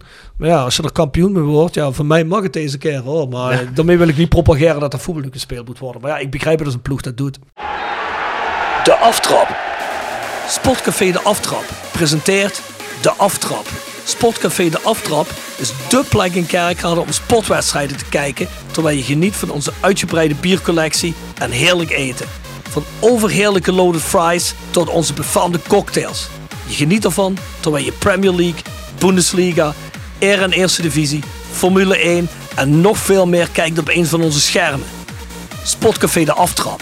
Ouderwets gezellig sport kijken met vrienden. Tevens gesteund door Van Ooyen Glashandel. Sinds 1937 vervangen en repareren wij al uw glas met veel passie en toewijding. Met 24 uur service. www.vanooyen.com Tevens gesteund door Roda Arctic Front. Ja, hoe vul jij je, je wedstrijddag in? Of hoe begin je hem? Want ja, je hebt natuurlijk heel andere uh, verhalen als de meeste van ons, denk ik. Nou ja, ik moet hem voorbereiden, hè, zeg maar. Ik moet uh, voor het radiocommentaar altijd toch wel mijn, mijn, mijn, feitenkennis op orde hebben. En mijn statistiekjes en zo. En... Ben je dan echt uh, de hele morgen aan het googlen of de dag ervoor? Ja, ja, ligt er een beetje aan. Meestal ben ik, of ja, ik ben eigenlijk altijd op de vrijdag overdag dan vrij. Omdat je het s'avonds bij die wedstrijden zit. Alleen is nog wel een verschil of je richting Leeuwarden of richting Kerkrade moet, zeg maar. Qua, je bent de dag vrij, maar je bedoelt dat je op die dag bent aan het rechercheren. Ja, ja. ja. Dan ben je niet echt vrij, hè? Nee, precies. Dus uh, het is... Denk... Jelle, geef die jongens meer geld. Allemaal gedeclareerd uiteindelijk, hè? Oh, ja, goed, nee, nee, Jelle, sorry. Jawel, netjes. Geen enkele reden te klagen over, maar... Uh, nou ja, het, het, ligt er een beetje aan of ik er door de week aan toe kom, maar meestal ja, in de, in de drukte van de week. Iets wat jullie ook niet vreemd is, zeg maar. Dan uh, nee. is het toch vaak vrijdagochtend dat je dat dan begint... Ja. Ik denk dat ik daar ongeveer anderhalf uur voor nodig heb of zo om zeg maar dat, dat, dat commentaar voor te bereiden. En vooral tegenstander hè, met, mm. met wat feiten, wat getallen en zo. Dus mm. op zich is het ook wel heel leuk om te doen. Kom je wel eens achter dingen van je zegt, verrek, wat is dit nu weer? Mm. Bedoel je? Ja, ja gewoon. Hey, ik kom wel eens achter dingen. Als ik voor die podcast ben rechercheren, dan zit ja. ik ook soms als het uh, een speler is, ja, vooral oudspelers natuurlijk. Ja, die hebben ja. natuurlijk een hele carrière achter zich. Anderhalf, twee uur ben je double mee in de weer. En, uh, want je wil natuurlijk ook goed voor de dag komen. Ik bedoel, het laatste wat ik wil is betrapt worden op onwaarheden. Ja. Al uh, liegt Wikipedia me soms ook voor. Maar goed. ja, het is wel leuk om te zien als dan bijvoorbeeld Dordrecht komt met een international van Guinea-Bissau. Zeg ja, maar. precies. Ja. Zoiets bijvoorbeeld, of, weet je wel. Uh, of Den Bosch wat dan spelers huurt van Arsenal, van Liverpool en Manchester City. Dat je denkt, ja... Ja, Vertel me de logica maar. Ja, ja, ja we zijn allemaal achtergegaan ja, waarschijnlijk. Of, of historische uitslagen even opzoeken. Ja, bijvoorbeeld ja precies. Ja, ja. Maar de, moet ik zeggen, ik doe nu een paar jaar dit werk. Ja. En op een gegeven moment merk je wel wat je nodig hebt en wat niet. Mm. En in het begin kwam ik echt met een pakket met historische resultaten. Mm. Waarvan je dan eigenlijk ook, zeker nu bij dit Roda, moet concluderen van ja... Als ze vorig jaar nog met 4-1 van Jonge Z hebben verloren of met 4-0. Het zegt Nee, ja, helemaal niks meer over het heden, zeg nee, maar. En je kunt niks. één keer erin gooien van, nou ja, ze hebben nog nooit hier verloren van deze ploeg. Dat, dat is dan wel leuk, maar op het moment dat er uh, twee keer in 17 wedstrijden thuis verloren is, ja, dan is de relevantie ook wel een beetje weg. Hoewel maar. bij Almere City kon je bijvoorbeeld zeggen dat verliest Roda thuis. Ja, ja Dat precies. was altijd gewoon standaard. Ja. Uh... Er is nog een soort van klassieker, maar die is ook een beetje in rook opgegaan. Uh, in Eindhoven, altijd mm -hmm. gelijk spel. Of het nou tegen FC Eindhoven of Jong PSV was. En een streak van 6, 7 wedstrijden. Tot nou ja, 5-1. Dat ging mis, dus niet zo heel lang geleden. ja, precies, ja. Dat zijn wel leuke dingen. Dat je, daar, dat je een soort van logica of een soort van, van tendens kunt zien die je niet kunt verklaren. Het onverklaarbare, dat is wel leuk mm. om dat een keer mee te nemen, links of rechts. Dus uh, ja, ja, dat eigenlijk wel. Ja. En dan, laten we zeggen, je gaat een uitwedstrijd. Ja. Je, je gaat naar Cambuur, dan is het de hele dag onderweg zijn. Hoe laat vertrek je? Ja, uh, nou ja, ik... ik pak meestal de reistijd plus een uur file waar je rekening mee moet houden. En je wil nog wat eten van tevoren. Dus ja, dat kan, dat kan zomaar begin van de middag zijn, normaal gesproken. Hoe laat wil jij op het stadion zijn? Dus de wedstrijd om 8 ja, uur beginnen op vrijdag? anderhalf uur van tevoren ongeveer. Reken okay. ik op. En met parkeren of met mijn eigen onvermogen om op tijd te komen... wordt het dan meestal een uur van tevoren, zeg maar. Wat nog altijd prima is. Ja, een anderhalf uur, uur van tevoren ongeveer. Dan ben ik er wel. Thuis en uit ook, zeg maar. En dan hebben ze daar broodjes klaar liggen voor je of zo? Ja, ligt eraan. Ja, ja, we zijn wel eens bij, uh, bij FC Dordrecht geweest. In de vrieskou met 2 graden. Waar alleen een bevroren koffiepot te vinden was. ja, hey. Dat kan ook gebeuren. Oh, ja, is niet echt gasvrij, hè? Ja, en als je bij, uh, uh, vorig seizoen bij Heracles bijvoorbeeld, en, dan, en dat merk je wel, zeg maar, de, de clubs die vanuit de Eredivisie komen, dus ook ADO, ja, allemaal tip-top geregeld. En, Hele catering. Ja, ja, precies. En ik vind ook tegelijkertijd, daar moet je niet op rekenen, daar gaat het ook niet om, zeg maar. Hè. Ik bedoel, je mag best van tevoren, van tevoren nee, zelf zo, dus niet om, maar is wel een stukje gasvrijheid. Waarbij, uh, jongens, moeten dadelijk wel nog even iets ja. drinken. ja, helemaal vergeten. Ja, dat, dat is altijd op zich wel geregeld. Alleen het was wel in met name in coronatijd kwam er wel eens voor dat je dan bij Helmond Sport kwam en dat er dan niks geregeld was. Of dat je dan dacht van oké, okay, het idee dat er niemand meer naar het stadion komt, maar wij komen hier toch werken, zeg maar. Dus ja, maar toch blij als de stroomvoorziening werkt. Uh. Coronatijd is sowieso een excuus geworden. Of sinds coronatijd ja. is dat is een excuus geworden voor niks meer fatsoenlijk te regelen, heb ik het ja. gevoel. Ja. Komt het op heel veel uh, vlakken tegen. Hoor. Ook wel voor media hoor. En dat, dat, dat wordt nu dan wel weer een beetje rechtgetrokken het laatste jaar toch wel. Maar toen was het op een gegeven moment zo dat iedere ruimte die met name kleinere clubs en stadions hadden, ja, die moest dan ook gebruikt worden. Dus dan was er dan weer geen persruimte. Of dan mm. moest er weer iemand daar met zijn laptop gaan zitten. Of... Kom je wel eens tegen dat er gewoon geen plek is voor je? Nee, dat niet. Nee, dat is altijd wel geregeld op zich. Okay. Nou, ja, even kijken. Ik heb één keer, dat was ook wel een leuke ervaring, bij uh, Top Os. Aan een stetisch eh, radiocommentaar gedaan. ja, dat zijn ook dingen die je een keer meegemaakt wil hebben. Heerlijk. En bij Jong AZ ook een keer. Maar bij belofteploeg is het wel allemaal iets, iets provisorischer ook. Met, Ja. Zeker als het dan gaat regenen. Ehm, en nu is niemand bang voor regen. Maar met een laptop of met radioapparatuur ja, of met papieren... dan eh, is toch handig als het droog is. Ja, toen was het af en toe wel een beetje behelpen. Maar dus wel Zeg, algemeen is dat prima Ik heb één vraag. Hè. Wat is de meest vervelende plek om commentaar van te doen? Ik heb gehoord dat FC Volendam is. Ik weet niet of dat klopt. Eh, ja, nu is dat volgens mij laatst weer veranderd. Oh, maar dat is veranderd. Oké, Tenminste, ik mooi. begreep van een collega die er laatst was. Ehm, daar zit je ongeveer inderdaad op de achterlijn bij een goal. Tenminste, ja, je zit niet letterlijk op de achterlijn, maar ter hoogte van de achterlijn. ja, ja, precies, precies. Ja. Het is niet dat we tussen de grensrechten en de cornervlag in staan, dus het nou ook weer niet. Maar ehm, dat is voor je zicht niet perfect. Maar als je daar voor de slechtste positie, Mhm. dan is dat Helmond Sport. Eh, want daar kun je de cornervlaggen niet tellen. Daar zie je de linker cornervlag niet als je een beetje pech Oh, hebt. serieus? Oké. Dus dat, dat is, dat is zo slecht, ja, slecht geregeld. Eh, het zijn allemaal luxe problemen. Hè. Ik bedoel, het, is een, het is een voorrecht om iedere keer daar voor je werk te mogen komen. Begrijp me Mhm. niet verkeerd. Maar ehm, daar hebben ze zeg maar, een rijtje. En dat stadion gaat verdwijnen. Dus op zich, het is ook wel, daar gebeurt natuurlijk niks meer totdat dat Nee. nieuwe stadion is. Nee. Daar is een rij met persplekken, ja, waar al ja, een beetje de boel van afbladert, zeg maar. Dat is al niet top. En als daar dan het vol zit, dan zit er nog een rijtje achter. Waar ze dan meestal de bezoekende club zetten. Want die zie je toch maar één keer in het jaar. Die hoeven niet te klagen en die zijn dan weg Ja, vervolgens. precies. En dan zit je dus zeg maar twee meter achter de rij met de echte persplekken. En dan staat er een hokje links en dan zie je gewoon de linker zie je niet. En de rechter zie je ook niet. Omdat je te diep achter de, achter de stoelen zit. Dus ja, dat is wel lastig, zeg maar. Ja. Als je denkt dat er een corner wel of niet genomen Ik wordt. kan het me voorstellen. Ja, Rob, het leuke aan Sam vind ik... eh, Sam heeft altijd een iPad bij zich. Ja. En daar heeft hij de opstelling altijd bij staan. En dan was in de tijd van Jurgen Streppel... Die kwam dan altijd eh, naar jouw iPad toe... en ging hij samen met jou tekenen of zo... Op dat, Ja. hoe hij die opstelling voor zich zag. Ja, dat vond ik altijd wel mooi om te zien. Dan voelde je letterlijk de hete adem van Streppel in je nek. Als je dan zo in de persruimte. En dan kwam, Ja. die, kwam die zo kijken. Ja, ik, ik wil het nu veel doen, maar dit is een podcast. Het is niet twee handen natuurlijk. Nou ja, heb je niks aan. En dan, eh, en dan keek hij eens en dan schoof hij daar wat mee. En dan zei hij, "Wow, ja, ik kom aardig in de buurt. En dan was het vervolgens gewoon wat het was eigenlijk. Dus ja, Ja, een stukje toneel weer. Ja, Ja. ja, ja, ja, ja. Ja, leuk. Ja, dat is een hele andere dag als dat wij hem hebben als we naar voetbal gaan. Dus ja, mooi om dat van die kant te horen. Vierde stelling. Rode JC speelt de komende twee maanden achtereenvolgens tegen Eindhoven, Groningen, Cambuur, Emmen. Een verrassend sterk Dordrecht en de altijd moeilijke derby tegen MVV. Er zitten nog wat jongploegen tussen volgens mij. Stelling. In deze vorm zakt Rode JC volledig weg uit de top van de KKD. Ja, waarschijnlijk gaat Bart nu zeggen van... Waar, hoe komt hij erbij? Maar hier ben ik het pertinent mee oneens met deze stelling. Omdat ik vind Willem II... Waarom zou Bart het zeggen? Omdat Bart en ik een eh, leuke discussie hadden over of Willem II een maatstaf was voor de wedstrijden die nog gaan komen. En toen zei ik, nou, ik denk dat Willem II qua tegenstand, eh, verdedigend gezien vooral, echt een enorme andere ploeg is dan Groningen, Cambuur en Emmen. En dus denk ik ook dat het hele andere wedstrijden gaan worden. En Roda dus, je kan niet spreken van dat Roda in deze vorm tegen dit soort ploegen het niet gaat pakken. Want ik denk dat juist tegen deze ploegen altijd meer kans is, omdat ze anders voetballen dan wat Willem II speelt.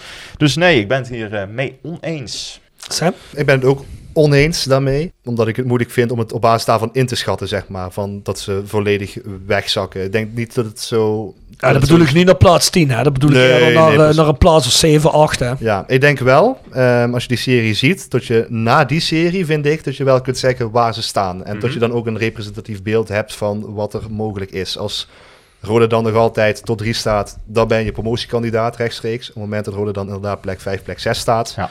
Dan moet je ook eh, realistisch gaan zijn, denk ik, in de zin van wat er mogelijk is.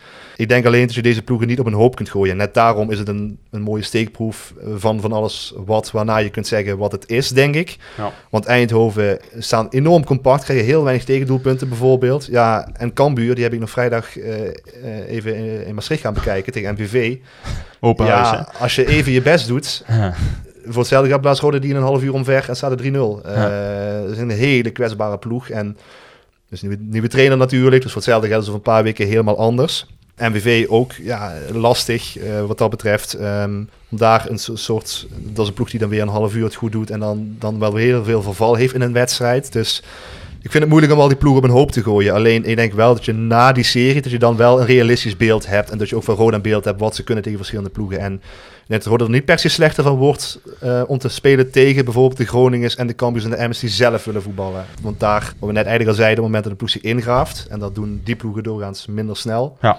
Denk ik wel dat je daar ook wel de kracht van Roda kunt gaan zien op die wedstrijd. Eh, Ik heb twee vragen nog als vervolg. Hè. Ten eerste, want ik, ik, stel hier, hè, in deze vorm zakt Roda volledig weg. Dat is dus een insinuatie. Roda steekt niet in vorm van september. Ja. Vinden wij dat ze niet in vorm zijn? Of vinden jullie dat het ergens anders? Ja, ik, ik vind wel in de zin dat het rendement wel even weg is, ja. Maar Dat, dat zie je ook aan de cijfers. Dus ja, als je inderdaad, als je die nuance aanbrengt van in deze vorm, ja, het rendement zal wel omhoog moeten. Anders dan, eh, dan wordt het hem niet, dat klopt. Moet wel. kunnen we dat vertalen naar vorm of kunnen we dat vertalen naar pech? En en, ik denk het feit dat zeg maar, plan B niet werkt tegen Willem II, dat is geen pech. Dat is ook het feit dat wat je bedacht hebt, dat je niet uitgevoerd krijgt. Dus dat is, denk wel, dat is, dat, is, dat is geen pech.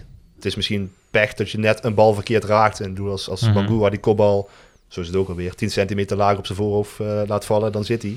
Ja. Dat is misschien pech. Ik vind pech vind ik in dat opzicht te makkelijk. En ik vind vooral het moment, dat is wat ik eigenlijk ook probeer te zeggen, als je deze serie hebt gehad, dan kun je niet meer op pech gooien. Vorig jaar werd dat wel gedaan. Hè. werd heel vaak gezegd van ja, iedere wedstrijd de ploeg aan de bal en iedere keer spel maken. En eh, als het halverwege eh, 4-1 staat, dan hoor je niemand. Ja, dat kun je niet vijf keer roepen, zeg maar, achter Ja, elkaar. dan, is, eh, dat- is de factor pech wel weg. Dat is ook die streppelretoriek. Hè. Ja. Ja, eh, ja, daar hebben we het al vaak genoeg over gehad. Dus, Ja, en dan de tweede vraag.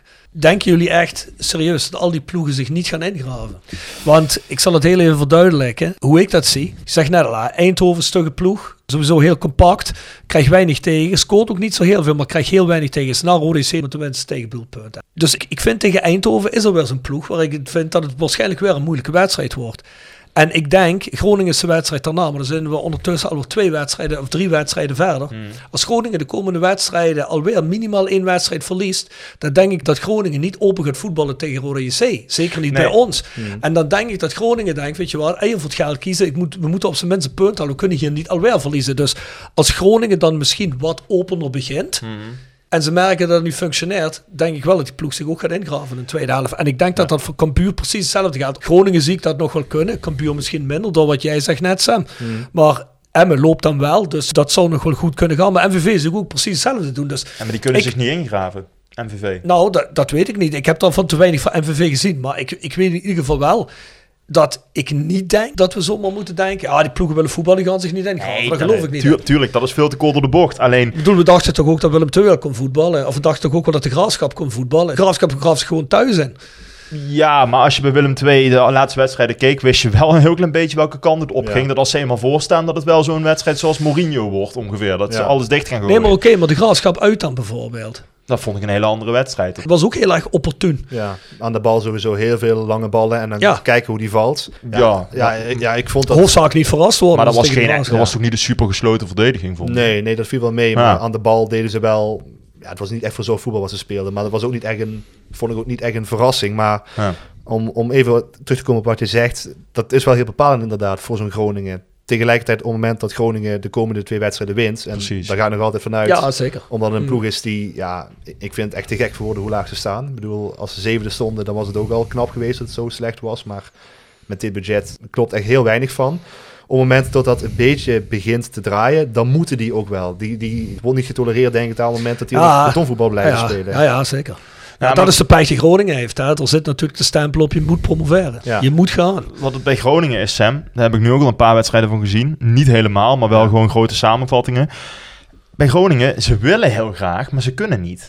Ze hebben echt ja, met een, een team vol losers, zoals ze het zelf noemen, omdat ze, ze gewend Zo zijn. doen ze het zelf. Nee, zo noemen ze het zelf. De, de Kon Veel Minder podcast van FC Groningen, die noemde een team vol losers, omdat ze Oh, uit... ik, ik dacht dat dit van, uit de club gewoon... Nee, kwam. Spelers, ja. Nee, nee, nee, sorry. Eh, de, de supporters van de club Ja. noemen.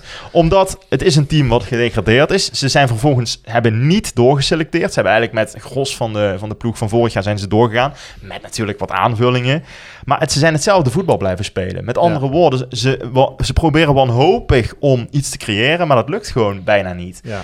En bij Groningen is het natuurlijk ook nog eens zo. Dick Lukien is niet een voorvechter van verdedigend voetbal. Nee, dat denk ik ook inderdaad. Het zijn ook selecties en het geldt ook voor, voor Cambuur. En daar zie je dat ook wat meer aan af, aan de manier van spelen. Ja. Het zijn selecties die zijn samengesteld om, op deze, om aanvallend voetbal te spelen. Ehm, Ja. Ik kan me nog herinneren dat het eerste jaar dat Rode degradeerde in 2000, was het 14? Ja. hè? Ik weet wat jij gaat zeggen. Ja, toen was, dat, dat was ook niet een ploeg die Nee. zeg maar, betonvoetbal kon spelen. dat kon of nee. een gesloten verdediging. Dat was ook Ja. flegmatieke aanvallers, buitenspelers. Ja. eh, die konden niet zeg maar, met, met, met, met twee spitsen gaan spelen. Hadden zat geen bijvoorbeeld. grid in, hè? Die konden niet bikkelen. Nee, precies. En eh, ik denk dat dat ook een beetje aan die ploegen kleeft. En dat dat ook precies is waarom het niet loopt. Omdat ja, die nog veel meer moeite hebben met een plan B. Of Maar dat is toch gewoon wat wij nu ook al de vier jaar of de vijf jaar voor dit jaar met de kamp hebben bij Roda. Ja. Dat we altijd weer proberen voetballend spelertjes te pakken die dan mentaal niet goed in orde zijn en die niet ook eens een keer gewoon een harde tackle kunnen maken. ja, daarom Ja. denk ik dat het niet toevallig is dat je nu een keer een soort iets massiever middenveld Ja, hebt. ja, en, en een hardere defensie. Dat je ook een stuk minder tegendoelpunten incasseert. Maar zou dat dan zo moeilijk, opvatting is. maar zou dat dan zo moeilijk zijn voor teams om dat te analyseren? Nou, je kijkt toch ook eens een keer.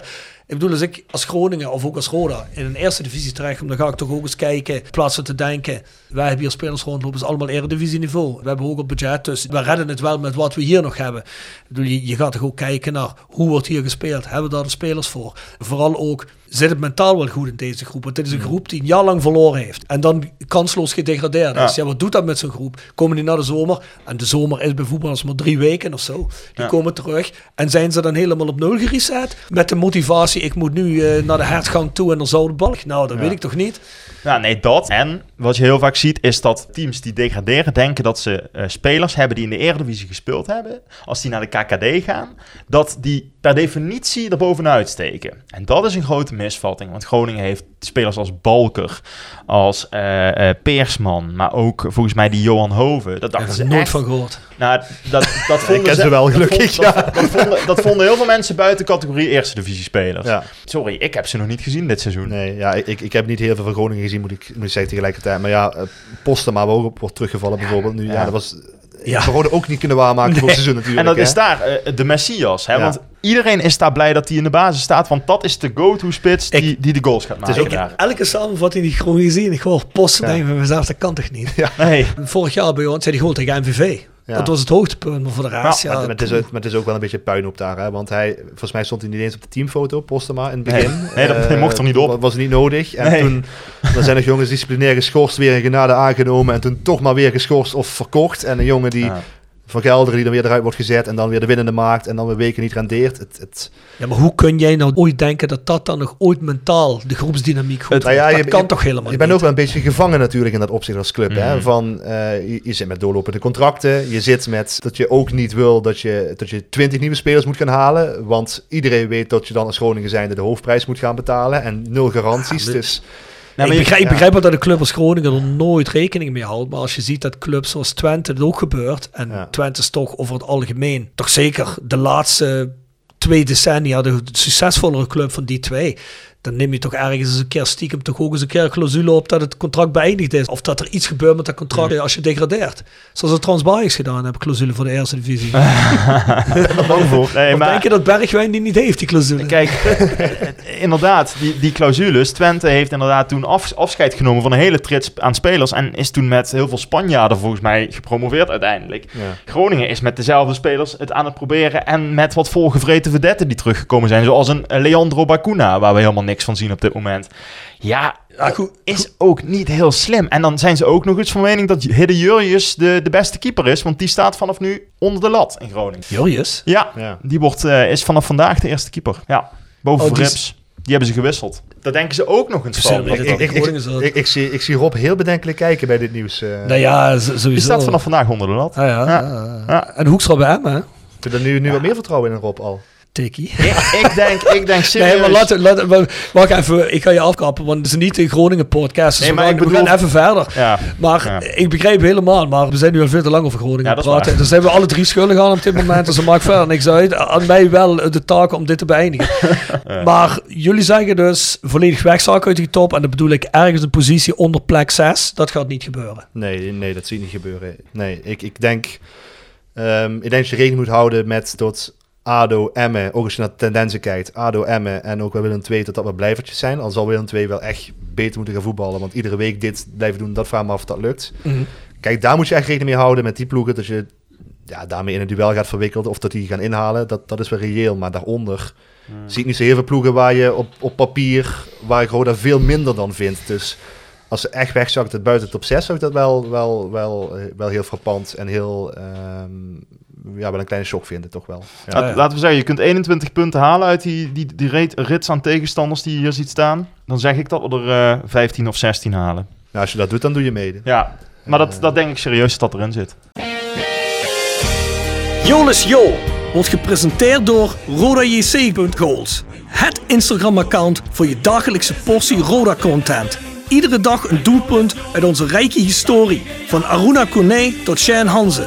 Van Bob Peters tot Dick Nanninga. Volg RodaJC.goals op Instagram. Tevens gesteund door Metaalgieterij van Gilst. Sinds 1948 uw plek voor gietwerk in brons. Van brons, van Gilst. En Hotelrestaurant de Veilerhof. Boek een overnachting of ga heerlijk eten in het mooie bergdorpje Veilen. Voor boekingen ga naar www.veilerhof.nl. En Barber Road. Rode supporters in hout en kapsel. Ontdek Barber Road, de barbershop waar jouw passie voor Rode JC tot leven komt. Laat onze getalenteerde barbers je haar en baard verzorgen met vakmanschap en creërend look die jouw liefde voor de club uitdraagt. Word de twaalfde man met een stijlvol kapsel dat boven het maaiveld uitsteekt. Je vindt ons in Bouwbach en in het Park Zuid-Limburg Stadion. Boek je afspraak op www.barberroad.nl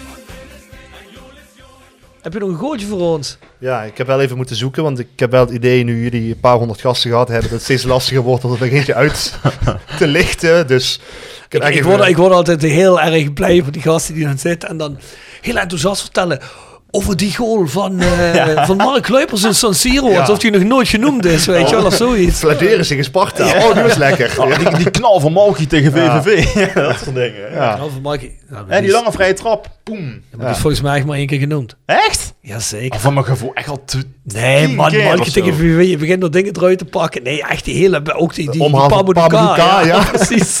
Dat zijn van die grootste woorden, die zijn echt al volgens mij vijf keer genoemd. Sorry, Fladeren Sparta. Die wordt ook heel vaak genoemd. Zeker, dat Ja. wel. Maar goed, Sam? Ja, du- dus, dus een hele mooie, denk ik, van die heb je allemaal wel gehad. Maar wel eentje die, eh, die me bijbleef. Dat zou misschien ook al, vast al een keer genoemd zijn. Maar 2008, in maart, Roda tegen PSV in Kerkrade. Ja, modder. Modder, precies. Echt een, een, een hele dikke, vette modderpoel. Minuut 93. En als je dan toch hebt over betonvoetbal. Ja, PSV maakte zich daar onder Seffer Goossen ook wel schuldig aan. Maar dat wel resultaat. En die waren echt de punten aan het tellen om kampioen te worden. Ja. Dachten daarmee weg te komen in Kerkrade. Mhm. Na een paar dagen eerder volgens mij bij Tottenham eh Europees hebben gespeeld. Even bij Roda punten halen met ja, lichtelijk antivoetbal. En Roda bleef stormen, bleef stormen. Modderpoel, één grote chaos in de 16. 93e minuut. Eh, Marcel Meeuwis die hem binnen frommelt via volgens mij Gomez toen de keeper. Ook tien man die over elkaar heen vallen. Waaronder Ja. Bram Castro, die dat seizoen al had gescoord. Die weer mee naar voren ging. Die hem bijna weer maakte. Ja, volgens mij had je ook gewoon drie penalties kunnen geven in die situatie alleen. Met, met tackles en, en, en Ja. wurggrepen en in de 16. Ja, Dus, 100 eh, ja. Die is nog nooit genoemd. nou, daar ben ik heel blij mee dan. Want het, het was ook qua... Ik, ik was in het stadion en qua ontlading was het een hele mooie. En ik kan me nog zo het beeld herinneren eh, van Vergozen... eh, die eh, als PSV-trainer langs de lijn staat en die bal ziet binnenvallen. Ja. Weet dat het eigenlijk wel terecht is...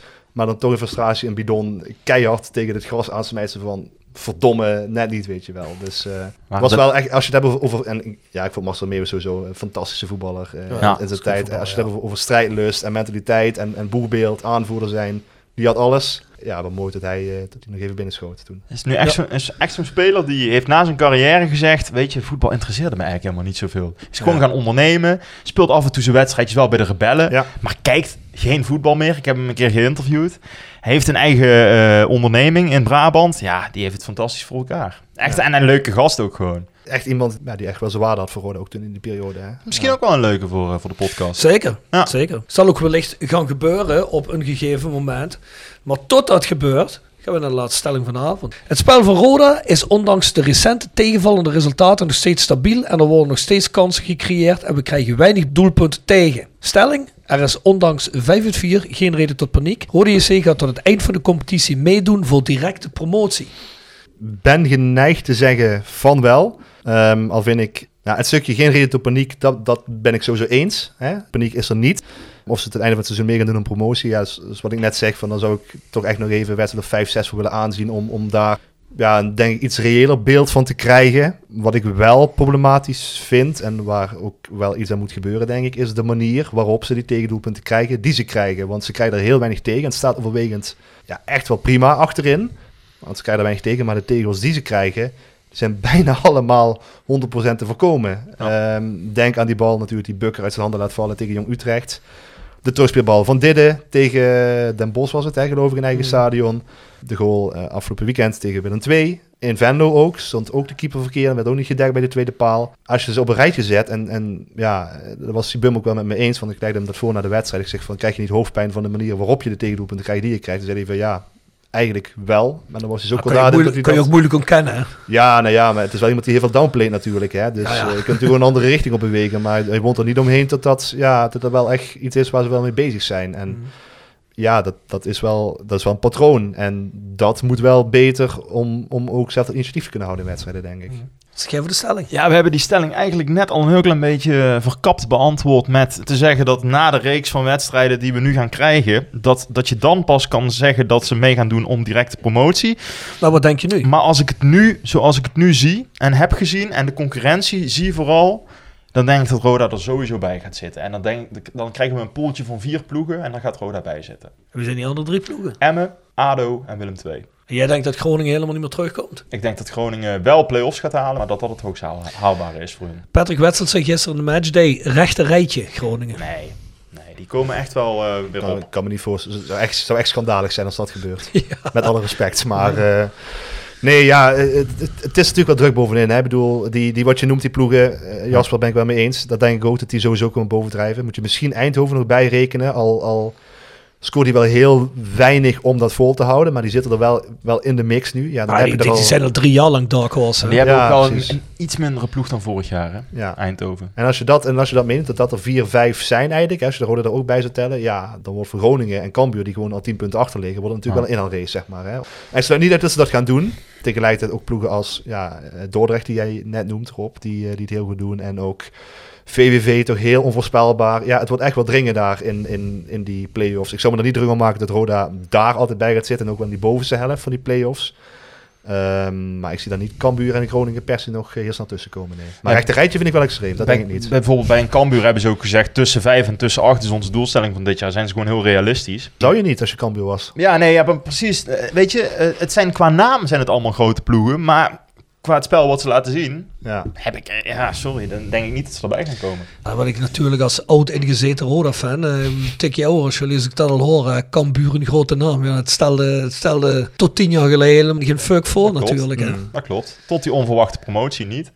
Nou ja, totdat wij er uh, promotie-degradatie tegen speelden. Ja. Dat was volgens mij de eerste keer dat ze naar de Eredivisie konden, toch? Sinds jaren. Ja, volgens Ja. mij zijn ze in 2001 of zo eruit gegaan toen, of 2000. En toen... Ja, klopt. Ja, En, eh, toen hebben ze er ook niet lang in gezeten. Hoor. Nee, nee. Het zijn het grote ploegen. Het zijn ploegen die een paar jaar langer Eredivisie hebben gespeeld, recent dan ons. Maar ja, Het, het, zijn wel, het zijn wel ploegen die ja, nog altijd een dubbele budget hebben voor Roda natuurlijk. Hè? Dat, dat ja, is het ook bizar genoeg.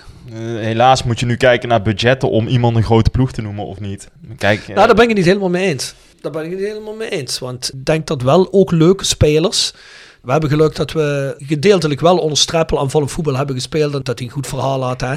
Of dat verhaal nog toneel was of niet, dat doet er niet zo toe. Maar hij had een goede babbel. Dus eh, er kwamen wel spelers naar Kerkrade. En niet alleen daardoor, maar ook omdat het een traditieclub is. Omdat er een stadion staat. Omdat er een aanhang zit. Dus als mensen zeggen bijvoorbeeld Excelsior is een grotere ploeg als Rode. Ja, die moet zich eigenlijk heel hard achter de oren krabben. En dat bedoel ik niet omdat ik Rode fan ben. Maar er staat een stadion met 4.500 man of zo, of 6.000 man. Die ploeg heeft nog nooit in zijn leven iets gewonnen. Het is gewoon dat ze daar beter beleid hebben gevoerd de laatste tien jaar naar bij Roda. Dat klopt ook wel, maar in, in combinatie met Eredivisie-ervaring, dan kun je bijvoorbeeld ook Excelsior daarbij rekenen. Als die terugkomen, moet je ze eh, bij de kanshebbers Nee, ja, oké, ik, ik zeg alleen maar waarom het dat... Ja, waarschijnlijk. het kanshebber zeker, maar ik wil alleen maar zeggen het algemeen. En dan zijn we misschien een beetje te ver in zijstraat gegaan. Dat komt ook door mezelf. Maar eh, Nou, niet uit. eh, de grote clubs vind ik dat allemaal niet. Nee, en dat- Roda is het gewoon ook aan zijn stand verplicht nou ook gewoon een keer weer echt mee te doen. Ja, Ja. 100, 100%. Ja, en, en de condities zijn er ook naar. Hè. Als je zo goed Ja. begint, als je zoveel punten pakt, dan... En ik vind ook niet dat ze dat, dat, ze dat enorm downplayen. Ze zijn wel voorzichtig naar buiten toe in ieder geval met uitspreken wat nou de ambitie is. Maar tegelijkertijd merk je aan alles dat iedereen er wel geloof in heeft. En toen het niet zo is van ja, als we achtste worden is het prima. En we hebben Nee. een periodetitel, laten we maar eens kijken wat er Ja. gebeurt in mei. Dat is echt niet de houding en de tendens die je voelt. Eh, Bovendien kan ik me niet voorstellen dat Sibum thuis zit op zijn bankje en denkt van, oh ja, als ze zeven horen is het goed. Volgens mij ergert hij zich dood als hij niet direct promoot. Wat mij- ja, weet wat- zeker. Wat mij betreft zei die houding na VVV uit genoeg van de spelers. Dus ze liepen het veld op. Die van VVV liepen toch wat meer met hun hoofd omhoog. Van we hebben het koploper heel lastig gemaakt. En bij Roda liepen ze allemaal kaarsrecht met hun gezicht omlaag van... Ja, we hebben hier het gewoon echt laten Ja, liggen. want, want dat vind ik wel trouwens. Als je los van dat ik vind dat de manier van voetballen dat dat geen reden is tot zorg. Want ja, en dat hoor je ook andere trainers zeggen dat Roda echt, denk ik, de best voetballende ploeg van de KKD is op dit moment. Ook de afgelopen weken nog. Ja. Het is wel zo de wedstrijden waarin je het verschil kunt maken qua ben je topfavoriet of ben je kandidaat. Ja, daarin hebben ze het natuurlijk, los van ADO, wat toen niet compleet was, niet echt laten zien. Dan moet je een keer bij de graafschap uitwinnen. En dan moet je een keer Willem 2 over de knie leggen. Dan is ook VVV uit een wedstrijd waarin je het kunt laten zien. En Maar ja, daar- goed, dat heb je wel bij? NAC gedaan, hè? Ja, dat klopt. Alleen... We hebben het natuurlijk voortdurend Dus over ook hier, en zeker in de voice match, want dan gaat het direct over de wedstrijd. Maar als je kijkt de laatste jaren en ook verschillende andere ploegen die zomaar tegen Helmond Sport onderuit gaan, of tegen Den Bosch of tegen Top Os, en zeker wij zelf de laatste jaren, dat zijn de moeilijke wedstrijden voor ons geweest. Niet de wedstrijden tegen Parkweg een Volendam of Parkweg tegen Nee, een weet ik veel wat. Hè. De, de, de moeilijkste wedstrijden waren die tegen dat soort ploegen. En die pakken we nu wel. Dus daar put ik mijn motivatie en mijn hoop uit. Dat ik denk van ja, het is wel grotendeels een andere selectie. Maar er wordt wel volwassener heen gekeken. En er wordt volwassener mee omgegaan. Want ik had toch een beetje de, de indruk dat de laatste jaar zo was. Ja, dit is maar topos, weet je wel. Ja, en in, in dat opzicht, ik bedoel, ik snap dat bij mensen misschien een soort van teleurstelling ontstaat door de laatste weken. Dat ze denken van, nou ja, oké, als je hier nou van die, van die paar wedstrijden, als je er twee meer van gewonnen had, ja, dan had je ook een marge gehad. Dan had je misschien vijf, zes, zeven punten losgestaan. Ander gevoel. Die misschien had je. Ja, precies. Ja, dat klopt. Ehm, maar eh, in, in dat opzicht, als je gaat kijken naar de cijfers, ze doen echt wel wat ze moeten doen. Tegen de ploegen waar tegen ze sowieso moeten winnen, doen ze dat. En los van Jong Utrecht Ja, dat dan, klopt, hè, ja. dat, is, dat is de enige. Maar ja, daar kleef iets aan. Die hebben wel meer ploegen gevloerd, toch wel. Is het echt wel conform en gewoon boven verwachting wat ze doen. En dat dienen zich ook in de voorbereiding aan. Het is ook geen toeval, ben ik van overtuigd. Want Mm. Want dat vond ik wel opvallend. Er waren ook mensen zeg maar, bij Roda zelf die na de laatste oefenwedstrijd tegen Jong PSV, waar ze met, met 3-1 wonnen of 3-0 Dat was een hele goede wedstrijd. Ja. Hele goede. Dat, dat Ja. ook mensen wilden zeggen, ja, misschien gaat het wel een beetje te goed. Eh, in de zin van dat ze wel heel erg positief verrast waren door wat Roda kon laten zien. En ook van, wauw, gaan we niet zeg maar, de lat of zeg maar, het beeld er heel hoog leggen op deze Maar manier. onder het motto, shit, we hebben gegrabbeld in de grabbelton. En we hebben er ook nog elf keer een voltreffer Ja, precies. Ja. ja, maar zo voelden het wel. Ja, Ja. oprecht. Ja, maar dan geef je technisch altijd weinig credit. En dat meen ik niet eens Oh. als grap. Nee, dat ik bedoel, ik bedoel juist Oh, komt allemaal uit nu. Nee, ik bedoel, ik bedoel nee, nee, nee, nee, nee. Ik heb heel veel respect voor hoe Rob Salvet het heeft gedaan samen met Van Mierlo, Sibum en, eh, en Peters. Maar het is natuurlijk wel zo dat je met zo'n Congolo, je weet wat er in de jongen zit, maar het moet er wel uitkomen. Dus wat dat betreft is het nog wel van, Nee, gaat goed, hij het laten zien? Nee, maar goed, dat, Maar heb, de je, toch- dat heb je toch met er wel. iedereen. Ik bedoel, praat bij Ajax dus met, met die gasten die Michelin dat heeft binnengehaald. Waarvan ik overigens ook van overtuigd ben. Dat is het enige wat ik erover wil zeggen. Maar ik ben ervan overtuigd dat de meeste van die aankopen het gewoon goed gaan doen de komende jaren. Ook hebben ze die gast gewoon voor niks ontslagen. 100%. Laat het me worden. Hier. Op, Nou ja, eh, Stijn is er nu ook uit. Seizoen dus, 5, eh, episode 14, 5 stellingen. Ik heb het hier gezegd. De vijfde kolonne van Ajax kan de bos nat maken, hè? De bossen Ja. Ik ben de zesde Die worden gewoon nog vijfde of zesde dit jaar. Nee, maar dat boeit ook verder niet. Wat boeit Ajax in dit? Maar ga je nog meedoen tot het einde? Ja, zeker heb je een beter beeld naar deze komende reeks. Alleen, ja goed, komt er een verval in op de een of andere manier.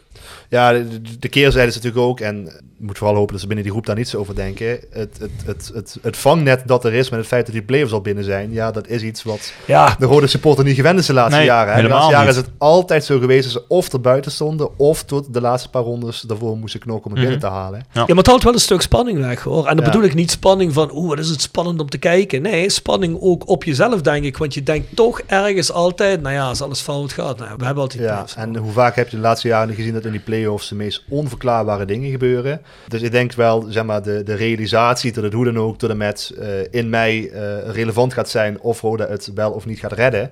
En in een gunstige geval ga je een aanloopje krijgen waarbij het ook in de, in de maanden daarvoor, dat je weet van, nou, het kan misschien wel rechtstreeks. Ja, dat is wel een hele nieuwe, hele nieuwe beleving Ja, ook, hè, zeker. de vorige jaren. En dat, dat, hebben ze, dat hebben ze wel afgedwongen en dat vind ik geen toeval. Maar vind, nee, dat vind ik ook niet. Maar vinden jullie niet ook gewoon, het klinkt heel raar, maar dat je nu eigenlijk na die 12 wedstrijden of na die 11 wedstrijden, ongeacht hoe die laatste drie wedstrijden zijn verlopen, maar met die eerste periode titel op zak in de wetenschap dat de rest van de eerste visie vindt dat je misschien wel de best spelende ploeg bent. Met in de wetenschap dat je toch nog een paar jongens op de bank hebt die misschien toch wel iets meer kunnen als een goede doen zijn dan je had gedacht. Met de wetenschap dat je dan toch een veel betere basis 11 hebt samengesteld dat je misschien zelf dacht dat je had. En met de wetenschap dat in de ploeg dat idee leeft, vind je niet gewoon dat je moet uitspreken. We moeten gewoon op een van de eerste twee plekken eh, eindigen. Want wat is anders nog de doelstelling? Ja, maar ik denk dat ze dat intern ook wel keihard doen. Misschien dat ze naar buiten toe, dat ze dat, ja, misschien kun je weglaten, naar buiten toe doen ze dat niet om het eh, te downplayen. Ja. Al is het maar, Maar waarom zou je het nog downplayen? nou, Om, omdat- dan- om dan een grotere, om een grotere schietschijf te ik, worden. nou, ik denk om een soort van druk weg te nemen toch op de een of andere manier. En dat, dat voel ik Ja, wel maar- heel erg. Maar welke druk dan? Nou, de druk van tot mensen, eh, tot, tot spelers zelf gaan voelen van, oeh, oké, er wordt naar ons gekeken. En Dat hebben wij dus ook in de podcast. Bijvoorbeeld was het met Walid Chic, dat weet ik niet meer. Of, of misschien Mathies Dedde. Hmm. Ik zeg ook, denk jij nou echt dat in Kerkrade niemand denkt dat jullie voor plaats 1 en 2 moeten gaan nu? In Kerkrade denkt de hele tribune Ah. dat. Met de kanttekening die we allemaal hebben. Ja goed, het zou wel eens niet kunnen lukken. Maar denk je nou echt, als je dat niet uitspreekt, dat dat op dit moment misschien door een groot gedeelte niet verwacht wordt? ik denk dat... Door dezelfde redenen wat we hier Ja. zijn te redeneren. Nee, dat klopt. Eh, maar ik denk wel dat het ook wel trainers en bestuurders eigen is om een soort van zoveel mogelijk externe factoren te elimineren. Om zoveel ja, mogelijk eigen, eigen alles in grief te houden. En ik denk dat dat het vooral, het vooral is van alles waar je invloed op hebt, daar ook zoveel invloed op uitoefenen. En Sibum is daar het voorbeeld van. want maar dat bedoel ik net, die invloed heb overal je niet naar na. buiten toe volgens mij. Nee, maar ja, als je dat in ieder geval die schijn kunt wekken naar jezelf toe, dan ben je alweer iets verder, Kijk, denk ik. en de- en de ik denk dat dat het ook is, dat psychologische dingetje. Want dat is automatisch. Hè. We zijn traditionverein hier. Hè. Dat heb je Um. bij al die ploegen. Bij Den Haag, bij NAC. Misschien een klein beetje bij de Graafschap. eh, dat heb je bij Groningen.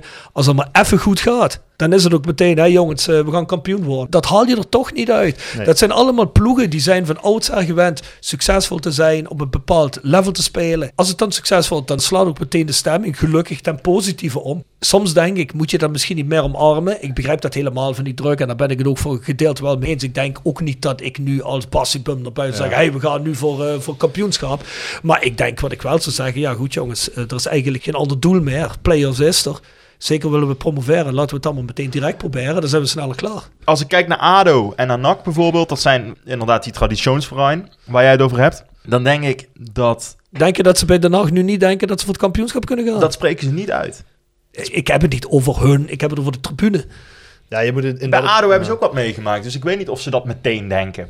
Ze hopen het, maar geloof, geloof me nog maar dat dat precies hetzelfde als een kerkrade is en dat een Breda precies hetzelfde is. 80% van de lui zeggen van ja, nu gaan we ook voor het kampioenschap. Dat we zijn klopt. zo goed bezig. dat klopt. Alleen denk ik dat ze daar ook met de wetenschap van de afgelopen jaren dat het wel eens mis kan gaan. Dat ze ook in hun achterhoofd houden, wat bij Roda ook Ja, maar gebeurt. Jasper, hè? ik wil net zeggen, wij denken toch niet dat het 100% goed gaat. Ik zeg Nee, alleen nee. dat die verwachting bij dit soort ploegen er altijd wel is. Helemaal mee eens. Alleen je hebt ook altijd die valkuil in je achterhoofd van het kan ook misgaan. Dat weet iedereen dat het mis kan. Ik denk ook wel dat we ons een beetje moeten afvragen in hoeverre het nou echt relevant is wat ze daar zelf over zeggen in dat opzicht. En daar maken we Ja, ons als- als media precies. ook wel, wel schuldig aan. We willen heel graag horen van keiharde ambities uitspreken. En moet, jij, eh, jij, zei- jij hebt Bassibum de eerste zes wedstrijden alleen maar lastig gevallen voor de eerste periode. ik, ik, ik heb hem wel zo ver gekregen dat hij zei: Ik ga voor jou vanavond de stand bekijken op een gegeven moment. Dus Nee, gewoon blijven vragen. Maar we, we, we zijn daar heel erg naar op zoek om dat te horen, om dat uit. Maar eigenlijk wat jij zegt.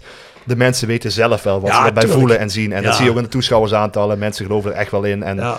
misschien dat er eigenlijk nog wel een, een- dipje in gaat komen. Maar die ploeg zelf en zo'n staf, die zitten voor mijn gevoel, zeker met, met deze trainer, die er echt overal op ieder detail zit, die zitten zo in een bubbel. Die vindt het totaal niet interessant wat ze naar de buitenwacht erover zeggen. Die houden het zo dicht bij zichzelf. Ah, ja. Het zal allemaal wel. Alleen dat kun je niet zeggen natuurlijk, want dan klinkt het als desinteresse. Ik denk dat dat een beetje is. Ze zijn er helemaal niet mee bezig wat de buitenwacht ervan vindt. Nee. Maar als je het dan hebt over uitspreken, als jij in februari, maart er nog bij staat, dan vind ik dat je het wel mag uitspreken, dat je, dat je ervoor gaat. Ja, maar anders als je dat dan niet doet, dan word je niet meer serieus. nee, maar daarom. natuurlijk. daarom. Ja. Dus nu is het, het is gewoon ook te vroeg, simpel, Ja. om het echt van de daken te gaan schreeuwen. Ja, laten we eerlijk zijn. er Interessant is het ook Ja? niet hoor. Interessant is het ook niet. Nee, nee, nee. Maar is, zoals gezegd, op de tribune denken de mensen het sowieso. Ik zeg niet dat mensen denken, je wordt kampioen. Maar wel dat ze zeggen van, ja, je kunt toch gewoon voor plaats 1 2 gaan. Maar, nu. maar merk jij aan jezelf dat het je uitmaakt wat de spelers of een trainer ervan zeggen, hoe je er zelf naar kijkt? Een speler wel. Oké. Kijk wat die moeten het doen op het veld. Ja. Als, als bij mij een speler komt en die echt serieus, waar ik echt de indruk van krijg, en die indruk krijg je goed om de podcast heen. Zeker als je leuke podcasts hebt gehad, hè, Ja, het precies, klink is ja. geweest, dan laten die jongens wel eens iets los, wat dan ook niet door ons naar buiten wordt gebracht. Hè. Ten goede, ten slechte, whatever. Maar als iemand dan tegen me zou zeggen van, ja, weet je, eh, daarom werd ik ook doodziek, een paar seizoenen geleden ervan, dat, en dat is eind vorig seizoen trouwens ook alweer uitgesproken, ja, we zijn nog helemaal niet klaar om naar de eredivisie te gaan, dat moeten we helemaal niet willen. Dan denk ik van, je bent een bestuurder bij Rode JC. Je zit in een club, in een competitie. In een competitie kun je eerste worden. Als je eerste wordt, wat ga je dan zeggen als Roda? Oh, we zijn onverhoopt eerste geworden. Of we zijn in de, in de, we zijn in de periode strijd, zijn we onverhoopt, zijn, die hebben gewonnen. Laat ons maar niet promoveren, we zijn er nog niet klaar voor. Je moet toch altijd klaar zijn als club tot op een zekere hoogte om te kunnen promoveren. En dat is bijvoorbeeld een voorbeeld, hè? spelers, maar ook bestuur in deze. Waarvan ik denk, ik wil gewoon dat je voor het allerhoogste gaat. Ik heb dat ook al tig keer tegen Joris Peters gezegd. Ik heb dat ook wel eens gezegd einde vorig seizoen. Ik zeg, ik begrijp niet dat jullie altijd alles downplayen qua ambitie. Dat hoeft toch helemaal niet? Dat doen ze gelukkig dit jaar niet zo erg. Nee. Spreek het gewoon uit. De regio wil dat je dat uitspreekt. We willen mensen met ambitie, we willen een club die ambitie uitstraalt. En als je dat doet, gaat de regio ook veel meer achter je staan. Dat van, ja jongens, we gaan voor de play-offs. Ja, dat is leuk. Dat moeten we sowieso. Ja. Als wij als Roda niet voor de players willen gaan, ja, waarom zijn we dan überhaupt op voetballen? Weet je wel, Nee, eh, klopt. dat is die topos van eh, de Olympische gedachte meedoen is alles. Nee, klopt. Dus er zijn maar heel weinig ploegen die de lat nog lager leggen dan meedoen in de play-offs. En daar- Ja, nee, ja, maar dat bedoel ik. Ja, Ja. maar dus is je niks meer. Maar wat jij zegt Je inderdaad... kunt niet eens zeggen in eerste divisie, we willen erin Nee, blijven. ja, precies. Maar wat je, maar wat je Kan zegt, wel. aan- aan de vooravond van het seizoen is het ook duidelijk gezegd van wij willen overpresteren. En dat klinkt al zo anders dan dat je inderdaad zegt play-offs. Dat klinkt echt anders, want we weten van het budget. Hè? We weten dat we niet het hoogste, eh, geen hoogste budget hebben in de KKD. Dan vind ik het des te beter dat ze zeggen, maar desondanks kun je met slimme aankopen, wat Servet eh, wel eens tegen mij heeft gezegd ook, met, met slimme aankopen, met eh, goed kijken waar, waar de buitenkantjes liggen, kun je echt overpresteren. En overpresteren klinkt een heel stuk positiever. Ja, zeker. Zoals gezegd, een club als Roda vind ik mag best zeggen we gaan voor promotie. Als het niet lukt, dan lukt het niet. Als je er alles aan gedaan hebt, dan is dat is. Nou ja, wat kan je iemand dan verwijten? Niks toch? Nee. Verliezen kun je altijd. Dat is net als met alles in het leven. En als je het, als je het gewoon geprobeerd hebt, heb je het geprobeerd en daar moet je respect voor krijgen. En ik ben ook 100% zeker dat je dat ook in kerkraden krijgt. En ik denk wel ook dat ook dat een klein puzzelstukje is van waarom er weer meer mensen komen en waarom het ook beter gaat. Het gesproken woord is altijd sterker. Als jij uitspreekt wat je wil en je spreekt uit in de pers en naar iedereen toe, we willen ergens voor gaan, we willen dit doen, we willen dat doen, dan gaan meer mensen erin geloven en dat creëert toch wel samen een momentum. Ja. En dat gevoel heb ik wel dat dat bij Roda nu vanaf het begin aan veel Ja. het geval is geweest. Ik denk dat dat komt, dat je het gevoel hebt, omdat het ook hand in hand gaat met prestaties, zeg maar. Hè. Je moet wel geloofwaardig zijn in dat opzicht. Ja, En maar ik denk dat die prestaties daarmee te maken hebben. Dat daar een, het dat daar een, elkaar natuurlijk. Ja, dat er een cause en effect in zit. En omgedraaid ook. Hè. precies. Ja. En ze- zij merken natuurlijk nu ook het zoet van de hoge toeschouwersaantallen. Eh, ik heb ook eh, van een aantal mensen gehoord eh, intern dat, eh, dat, ze, dat echt niet verwacht hadden. Dat er, dat er nu zoveel mensen in het stadion zouden zitten. En dat ze nu al bepaalde opbrengsten. Dat ze nu al op bijna meer zitten van hetgeen wat ze begroot hebben qua. over het hele jaar qua toeschouwersopbrengsten. Ja, dat is, dat is al iets wat. dat klinkt dan wel minder ambitieus als ik gedacht had. Ja, dat is waar. Alleen, ze zeggen zelf ook. Maar als je er nu al overheen zit en dan wat nog vijf Nee, ze thuiswedstrijden. zeggen. Holy shit. vol- volgens mij was het, Virtueel bedoel je, denk ik. nee, volgens mij Ja. was het als ze, in de- als ze in december nog steeds toeschouwersaantallen halen die ze nu hebben, hebben ze volgens mij de doelstelling gehaald. Oh, oké. Ja, oké. Dit klinkt al anders. Excuus, Ja. dat was Dit het. klinkt al anders. Ja, ik, ik moest eventjes in mijn eh, memory. Want anders laten we maar, eh, zeggen dat we nu op 8,5 gemiddeld zitten en dan vijf wedstrijden. Dat betekent dus als je dit uitsmeert over 18 thuiswedstrijden. Nee, het was voor- eh, volgens mij 10,5k zo ongeveer, dat was het. En dat, 10,5k. ja, als je, Op als, wat? je- als, je Per dat, als je dat nog een paar keer haalt, volgens mij drie of vier keer, dan zaten ze op, het, op de doelstelling. Oké, nou ja, Ja. ik hoop het, ik hoop het, ik Ja. hoop het, ik hoop het. Meer geld binnenkomt, hoe beter. Dat was de vijfde stelling, dus we zijn nog niet in paniek. We weten naar de komende reeks of ze nog mee gaan doen voor directe promotie. Ja goed, ik ben benieuwd. Heel even snel, tegen Jong Ajax, wat gaat het worden Sam? Ehm 3 tegen 1 voor Roda. Ah, dat zeg ik ook gisteren goed, daar blijf ik ook bij. Ja, Zeg jij? 4-1. Jong Ajax heeft nu eh, tegen ADO eh, redelijk gespeeld, tenminste tot nu toe. Jong Ajax thuis of Jong Ajax uit is een wereld van verschil dit seizoen. Dat spitsje, dat gaat niet meedoen denk ik vrijdag hoor. Bij Ajax, of, of wie bedoel je? Ja, niet bij Jong Ajax. Nee. Nee. Die houden ze lekker bij de eerste nu denk ik, naar die twee goals. Oh, Linson bedoel je? Ja, ja, ja, ja. ja, ja. Ja. ja. Hij wou ook geen slechte goals hè. Nee, maar hij is een goede speler. Echt een goede speler. Die heeft tegen Roda ook een paar keer gescoord al in het Maar verleden. het zit ook nog eens een keer in de Europa Cup week. Dus Mm. ik denk dat ze bij Ajax zijn, kijk, alle hands aan dek. Eh, Wie nu goed speelt, eh, zit je bij de selectie. Ja, en, en als het slecht gaat, heeft iedereen, is iedereen ziek, zwak en misselijk natuurlijk. Ja, dus ze de aantallen ook wel weer nodig hebben. En trainers die dan weer eh, iedereen een kans willen gaan geven. En iedereen hoort er dan weer bij. Dus ja, ja misschien is dat wel een voordeeltje. Klein. Ja, precies. Ik denk dat ze die jongen toch bij één laten, hè, die twee goals heeft Ja, gescoord. het zijn, voorstellen. dat zou absurd zijn als je het niet doet. Ik denk dat die eerlijk gezegd ook niet meer uit de basis verdwijnt de komende weken. Oké, dus dat geen Ajax-podcast is, anders was dat een bold statement. Jij denkt Ja, zeker nee. niet dat die Brobby in Dat de was gisteren We hebben het hier eigenlijk Ja, maar dat over. was gisteren de beste speler. Ja, dat begrijp ik wel. We hebben het hierover. Ik kan niet lang over Ajax Nee, nee, hebben. nee, nee, nee, nee, nee. Alright, laatste rubriek, want we zijn er handig uit het lopen. Five Aside. Five Aside wordt gepresenteerd door Maassen en Hoebe strafrechtadvocaten. Maassen en Hoebe strafrechtadvocaten te Heerlen. Gedreven door kracht, kennis en ambitie. Wordt u een familielid of een bekende verdacht van een strafbaar feit? Kies dan geen gewone advocaat. Kies een gespecialiseerde strafrechtadvocaat. Ga naar onze website www.massenhoebe.nl, stuur ons een e-mail of neem telefonisch contact op. En herberg de Bernardeshoeve.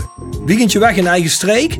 Boek een appartementje en ga heerlijk eten met fantastisch uitzicht in het prachtige Mingelsborg bij Marco van Hoogdalem en zijn vrouw Danny.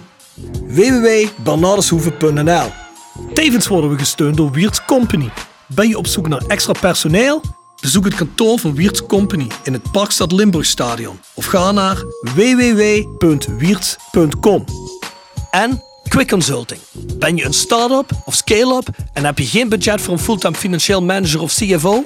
Meld je dan eens bij Quick Consulting. Wij hebben jarenlange ervaring in deze scene en helpen je met het organiseren en toekomstbestendig maken van je financiële processen of met het vinden van funding om ook jouw business te laten vlammen. Wil je graag een keertje kennis maken? Vind ons op LinkedIn en neem contact op met Patrick. Ja, elftalletje wou ik zeggen, maar iets minder, hè? Vijftalletje. Ja, toch? vijftalletje, Ja, ja, ja, ja, ja. ik heb er even over nagedacht. Ik denk van pak eens eh, wat spelers die je zelf hebt gezien. Ik bedoel, ik kan hier wel eh, de Pierre Vermeulen en de Dick Nanningas gaan noemen, terwijl ik ze nooit zelf heb zien spelen. Maar dan ben je natuurlijk ook eh, geen knip voor de neus waard qua geloofwaardigheid. Dus laten we dat Nee. maar niet doen. Nee, goeie, goeie. Dus alles wat ik zelf bewust gezien heb. Ik denk ook een beetje, misschien niet, niet de meeste usual suspects pakken. Eh, Davy de Vouw achterin. Omdat het echt eh, een hele sobere, eh, sobere verdediger was. Die op, op heel veel plekken kon spelen. En ook wel aanvoerder. En misschien wel een hele stille kracht. Waar je nooit iemand direct over zult horen van... Nou, dat was echt een, dat was echt een topper. Maar die wel jarenlang heel stabiel is geweest altijd bij Roda. Dus die zou ik erbij zetten. Keeper doe ik niet trouwens. Heb je niet nodig hè, op zo'n klein veld. Dus, eh, we niet nodig. Doen we niet aan. Vliegende keeper hooguit. Eh Kevin van Dessel. Die is er nooit genoemd. Nee, en dat, dat, dat realiseerde ik me ook, want ik luister de meeste podcasts van jullie, zoals je weet. Ah, ik mooi. ook wel, eh, wil, wil horen wat er, eh, wat er allemaal speelt en eh, wat, er, en wat er gezegd wordt. En Kevin van Dessel, ja, dat vond ik vroeger echt... Ik weet niet zozeer waarom, maar het was echt een hele, een hele stijlvolle speler. En ook, ook, ook weer zo'n zo'n stille kracht. En ik heb altijd wel sympathie voor de, voor de underdog op de een of andere manier. En hij was dat ook wel. Ehm, heeft echt die toptijden meegemaakt. En een hele betrouwbare speler, hele goede trap. Ja, die vond ik ook dat een plekje verdiende. Chommer? Jammer. Kennen we die is nog? ook nog nooit genoemd. Nee. Ja, ik denk doe eens origineel op, dacht ik. Ja. Was maar één seizoenetje toch, of niet? Ja, half jaar zelfs. jaar. Half jaar, ja. Maar zo'n impact in het halve jaar met voor mij voor iedere vrije trap die hij kreeg die erin ging. Was wel eigen, was wel eigen goede speler. Fantastisch. Echt Ja. eh, een prachtige trap. Ook dat hij het zelf soms niet kon geloven wat hij deed. En dat, eh, ja, als je een vrije trap hebt bij Five of Side, dan gaat hij wel erin. Roland Lama? Die is door Bangura volgens mij genoemd, of niet? Ja, die, Dat die- was een vriend van zijn pa, toch? Ja, Ja, volgens mij wel, ja. ja, of, of de- zijn vader was een vriend van zijn vader of zoiets. Ze waren vrienden in ieder geval. Ja, ja, ja, ja. ja. Ergens ver weg, ja. Roland Lama. Ook maar een jaartje, maar ja ik, Ja. ik vind het altijd wel mooi van die spelers die dan, dan maar kort zijn, maar wel echt een blijvende indruk achterlaten. En hij was ook wel zo eentje. Heb je er nog eentje die kort was en een blijvende indruk achterliet, of niet?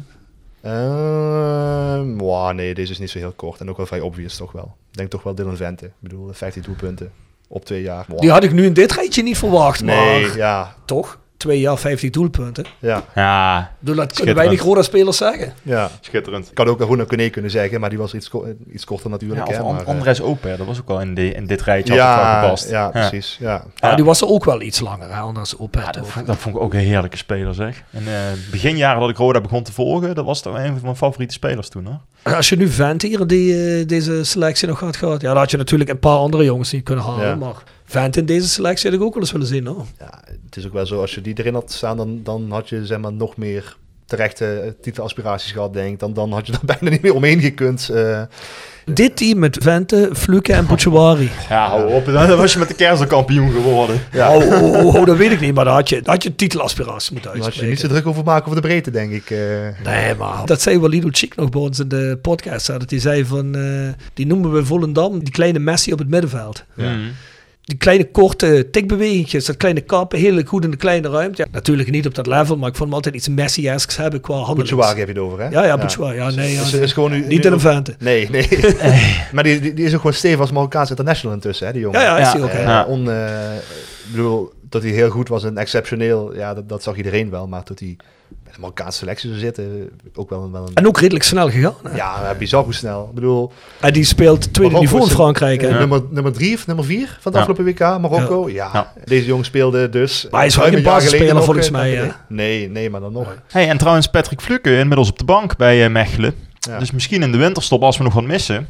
Maar zo snel zal het niet gaan, denk ik. Dat zou, dat zou toch wel fantastisch zijn, hè? Nou, ik denk dat Patrick wel eh, graag terugkomt. Ik denk, zou hij daar op de bank blijven? Dan zit hij volgens mij ook pas heel recent. Want Ja. eh, even een hele goede eerste indruk gemaakt daar. Mocht hij daar blijven, dan weet ik 100% zeker dat ze zaak waar hij hem ook wel eens hier zou aankloppen. En ja, wie weet. Maar ja, ik denk dat Roda wel moet promoveren als je, als je Patrick Fluke terug wil krijgen. Dat is waar. Dat Ja. denk ik wel. Want als je nu de stap terug maakt van de Zwitserse eerste liga en dan eh, van hoe heet dat daar eerst in, eh, in België en dan Ja. terug naar de KKD, ja, dat geeft toch eigenlijk wel een beetje aan. Ik heb het top wel gehad. Er zijn ook nog wel tien eredivisieploegen die ook wel willen hebben, denk ik. Eh, Dat denk ik ook. wel, Ja, die Sparta hebben- onder andere. Maar ja, die hebben wel zitten slapen. Nu die eh, van het servet wegging, vind ik hoor. Ja. Of ik weet niet hoeveel ze kunnen betalen bij Mechelen. Ik weet niet of dat op club is die veel geld te besteden. Dan moet je je in België altijd afvragen inderdaad, of dat toch nog ergens een zak met, met geld ligt. eh. Ja, dat is zo bizar hè. Ja. Die hebben soms spelers lopen bij ploegen waarvan ik denk van ja, hoe kan dit dan? Ja, maar ook twee kanten op. Hè. Ook dat je dan... Ik heb het gevoel, als ik naar Standaard Luik kijk bijvoorbeeld, dat ik iedere, iedere keer dat ik kijk, dat ik elf andere spelers zie staan, zeg maar. Alsof er een grote roulette bezig is van week Ja. tot week. eh. Dat vind ik ook een club zonder zo'n e- echte identiteit op dit moment Ja. in België. Ja, ja. Je bedoelt qua spel dan? ja. Goed, ja. ja. zo zit ik er nog niet in. Maar ik volg het Belgisch voetbal dan ook niet. Goed, mannen. Bedankt dat jullie er waren voor ons. Hè. Graag gedaan. Als Gezellig, gast. dat is leuk. Ja, ja, top. In de toekomst eh, zien we je vast wel weer een keer terug. Of bij de Magi of hier. Nou, ik denk dat we besproken hebben wat we moesten bespreken vanavond. Jasper, gaan wij nog heel even snel de vrienden van de show doen? Jegers en Advocaten. Next door Heer, Nail en Beauty Salon. Hotelrestaurant de Veilerhof. Herberg de Bernardeshoeve. Noordwand. Van Ooie Glashandel. Quick Consulting. Wiertz Company. Nederlands Mijnmuseum. Roda Support. PC Data. Metaalgieterij van Gilst. Willeweber Keukens. De Vrienden van Roda. Osteopathie Dame. Voetbaltrips.com.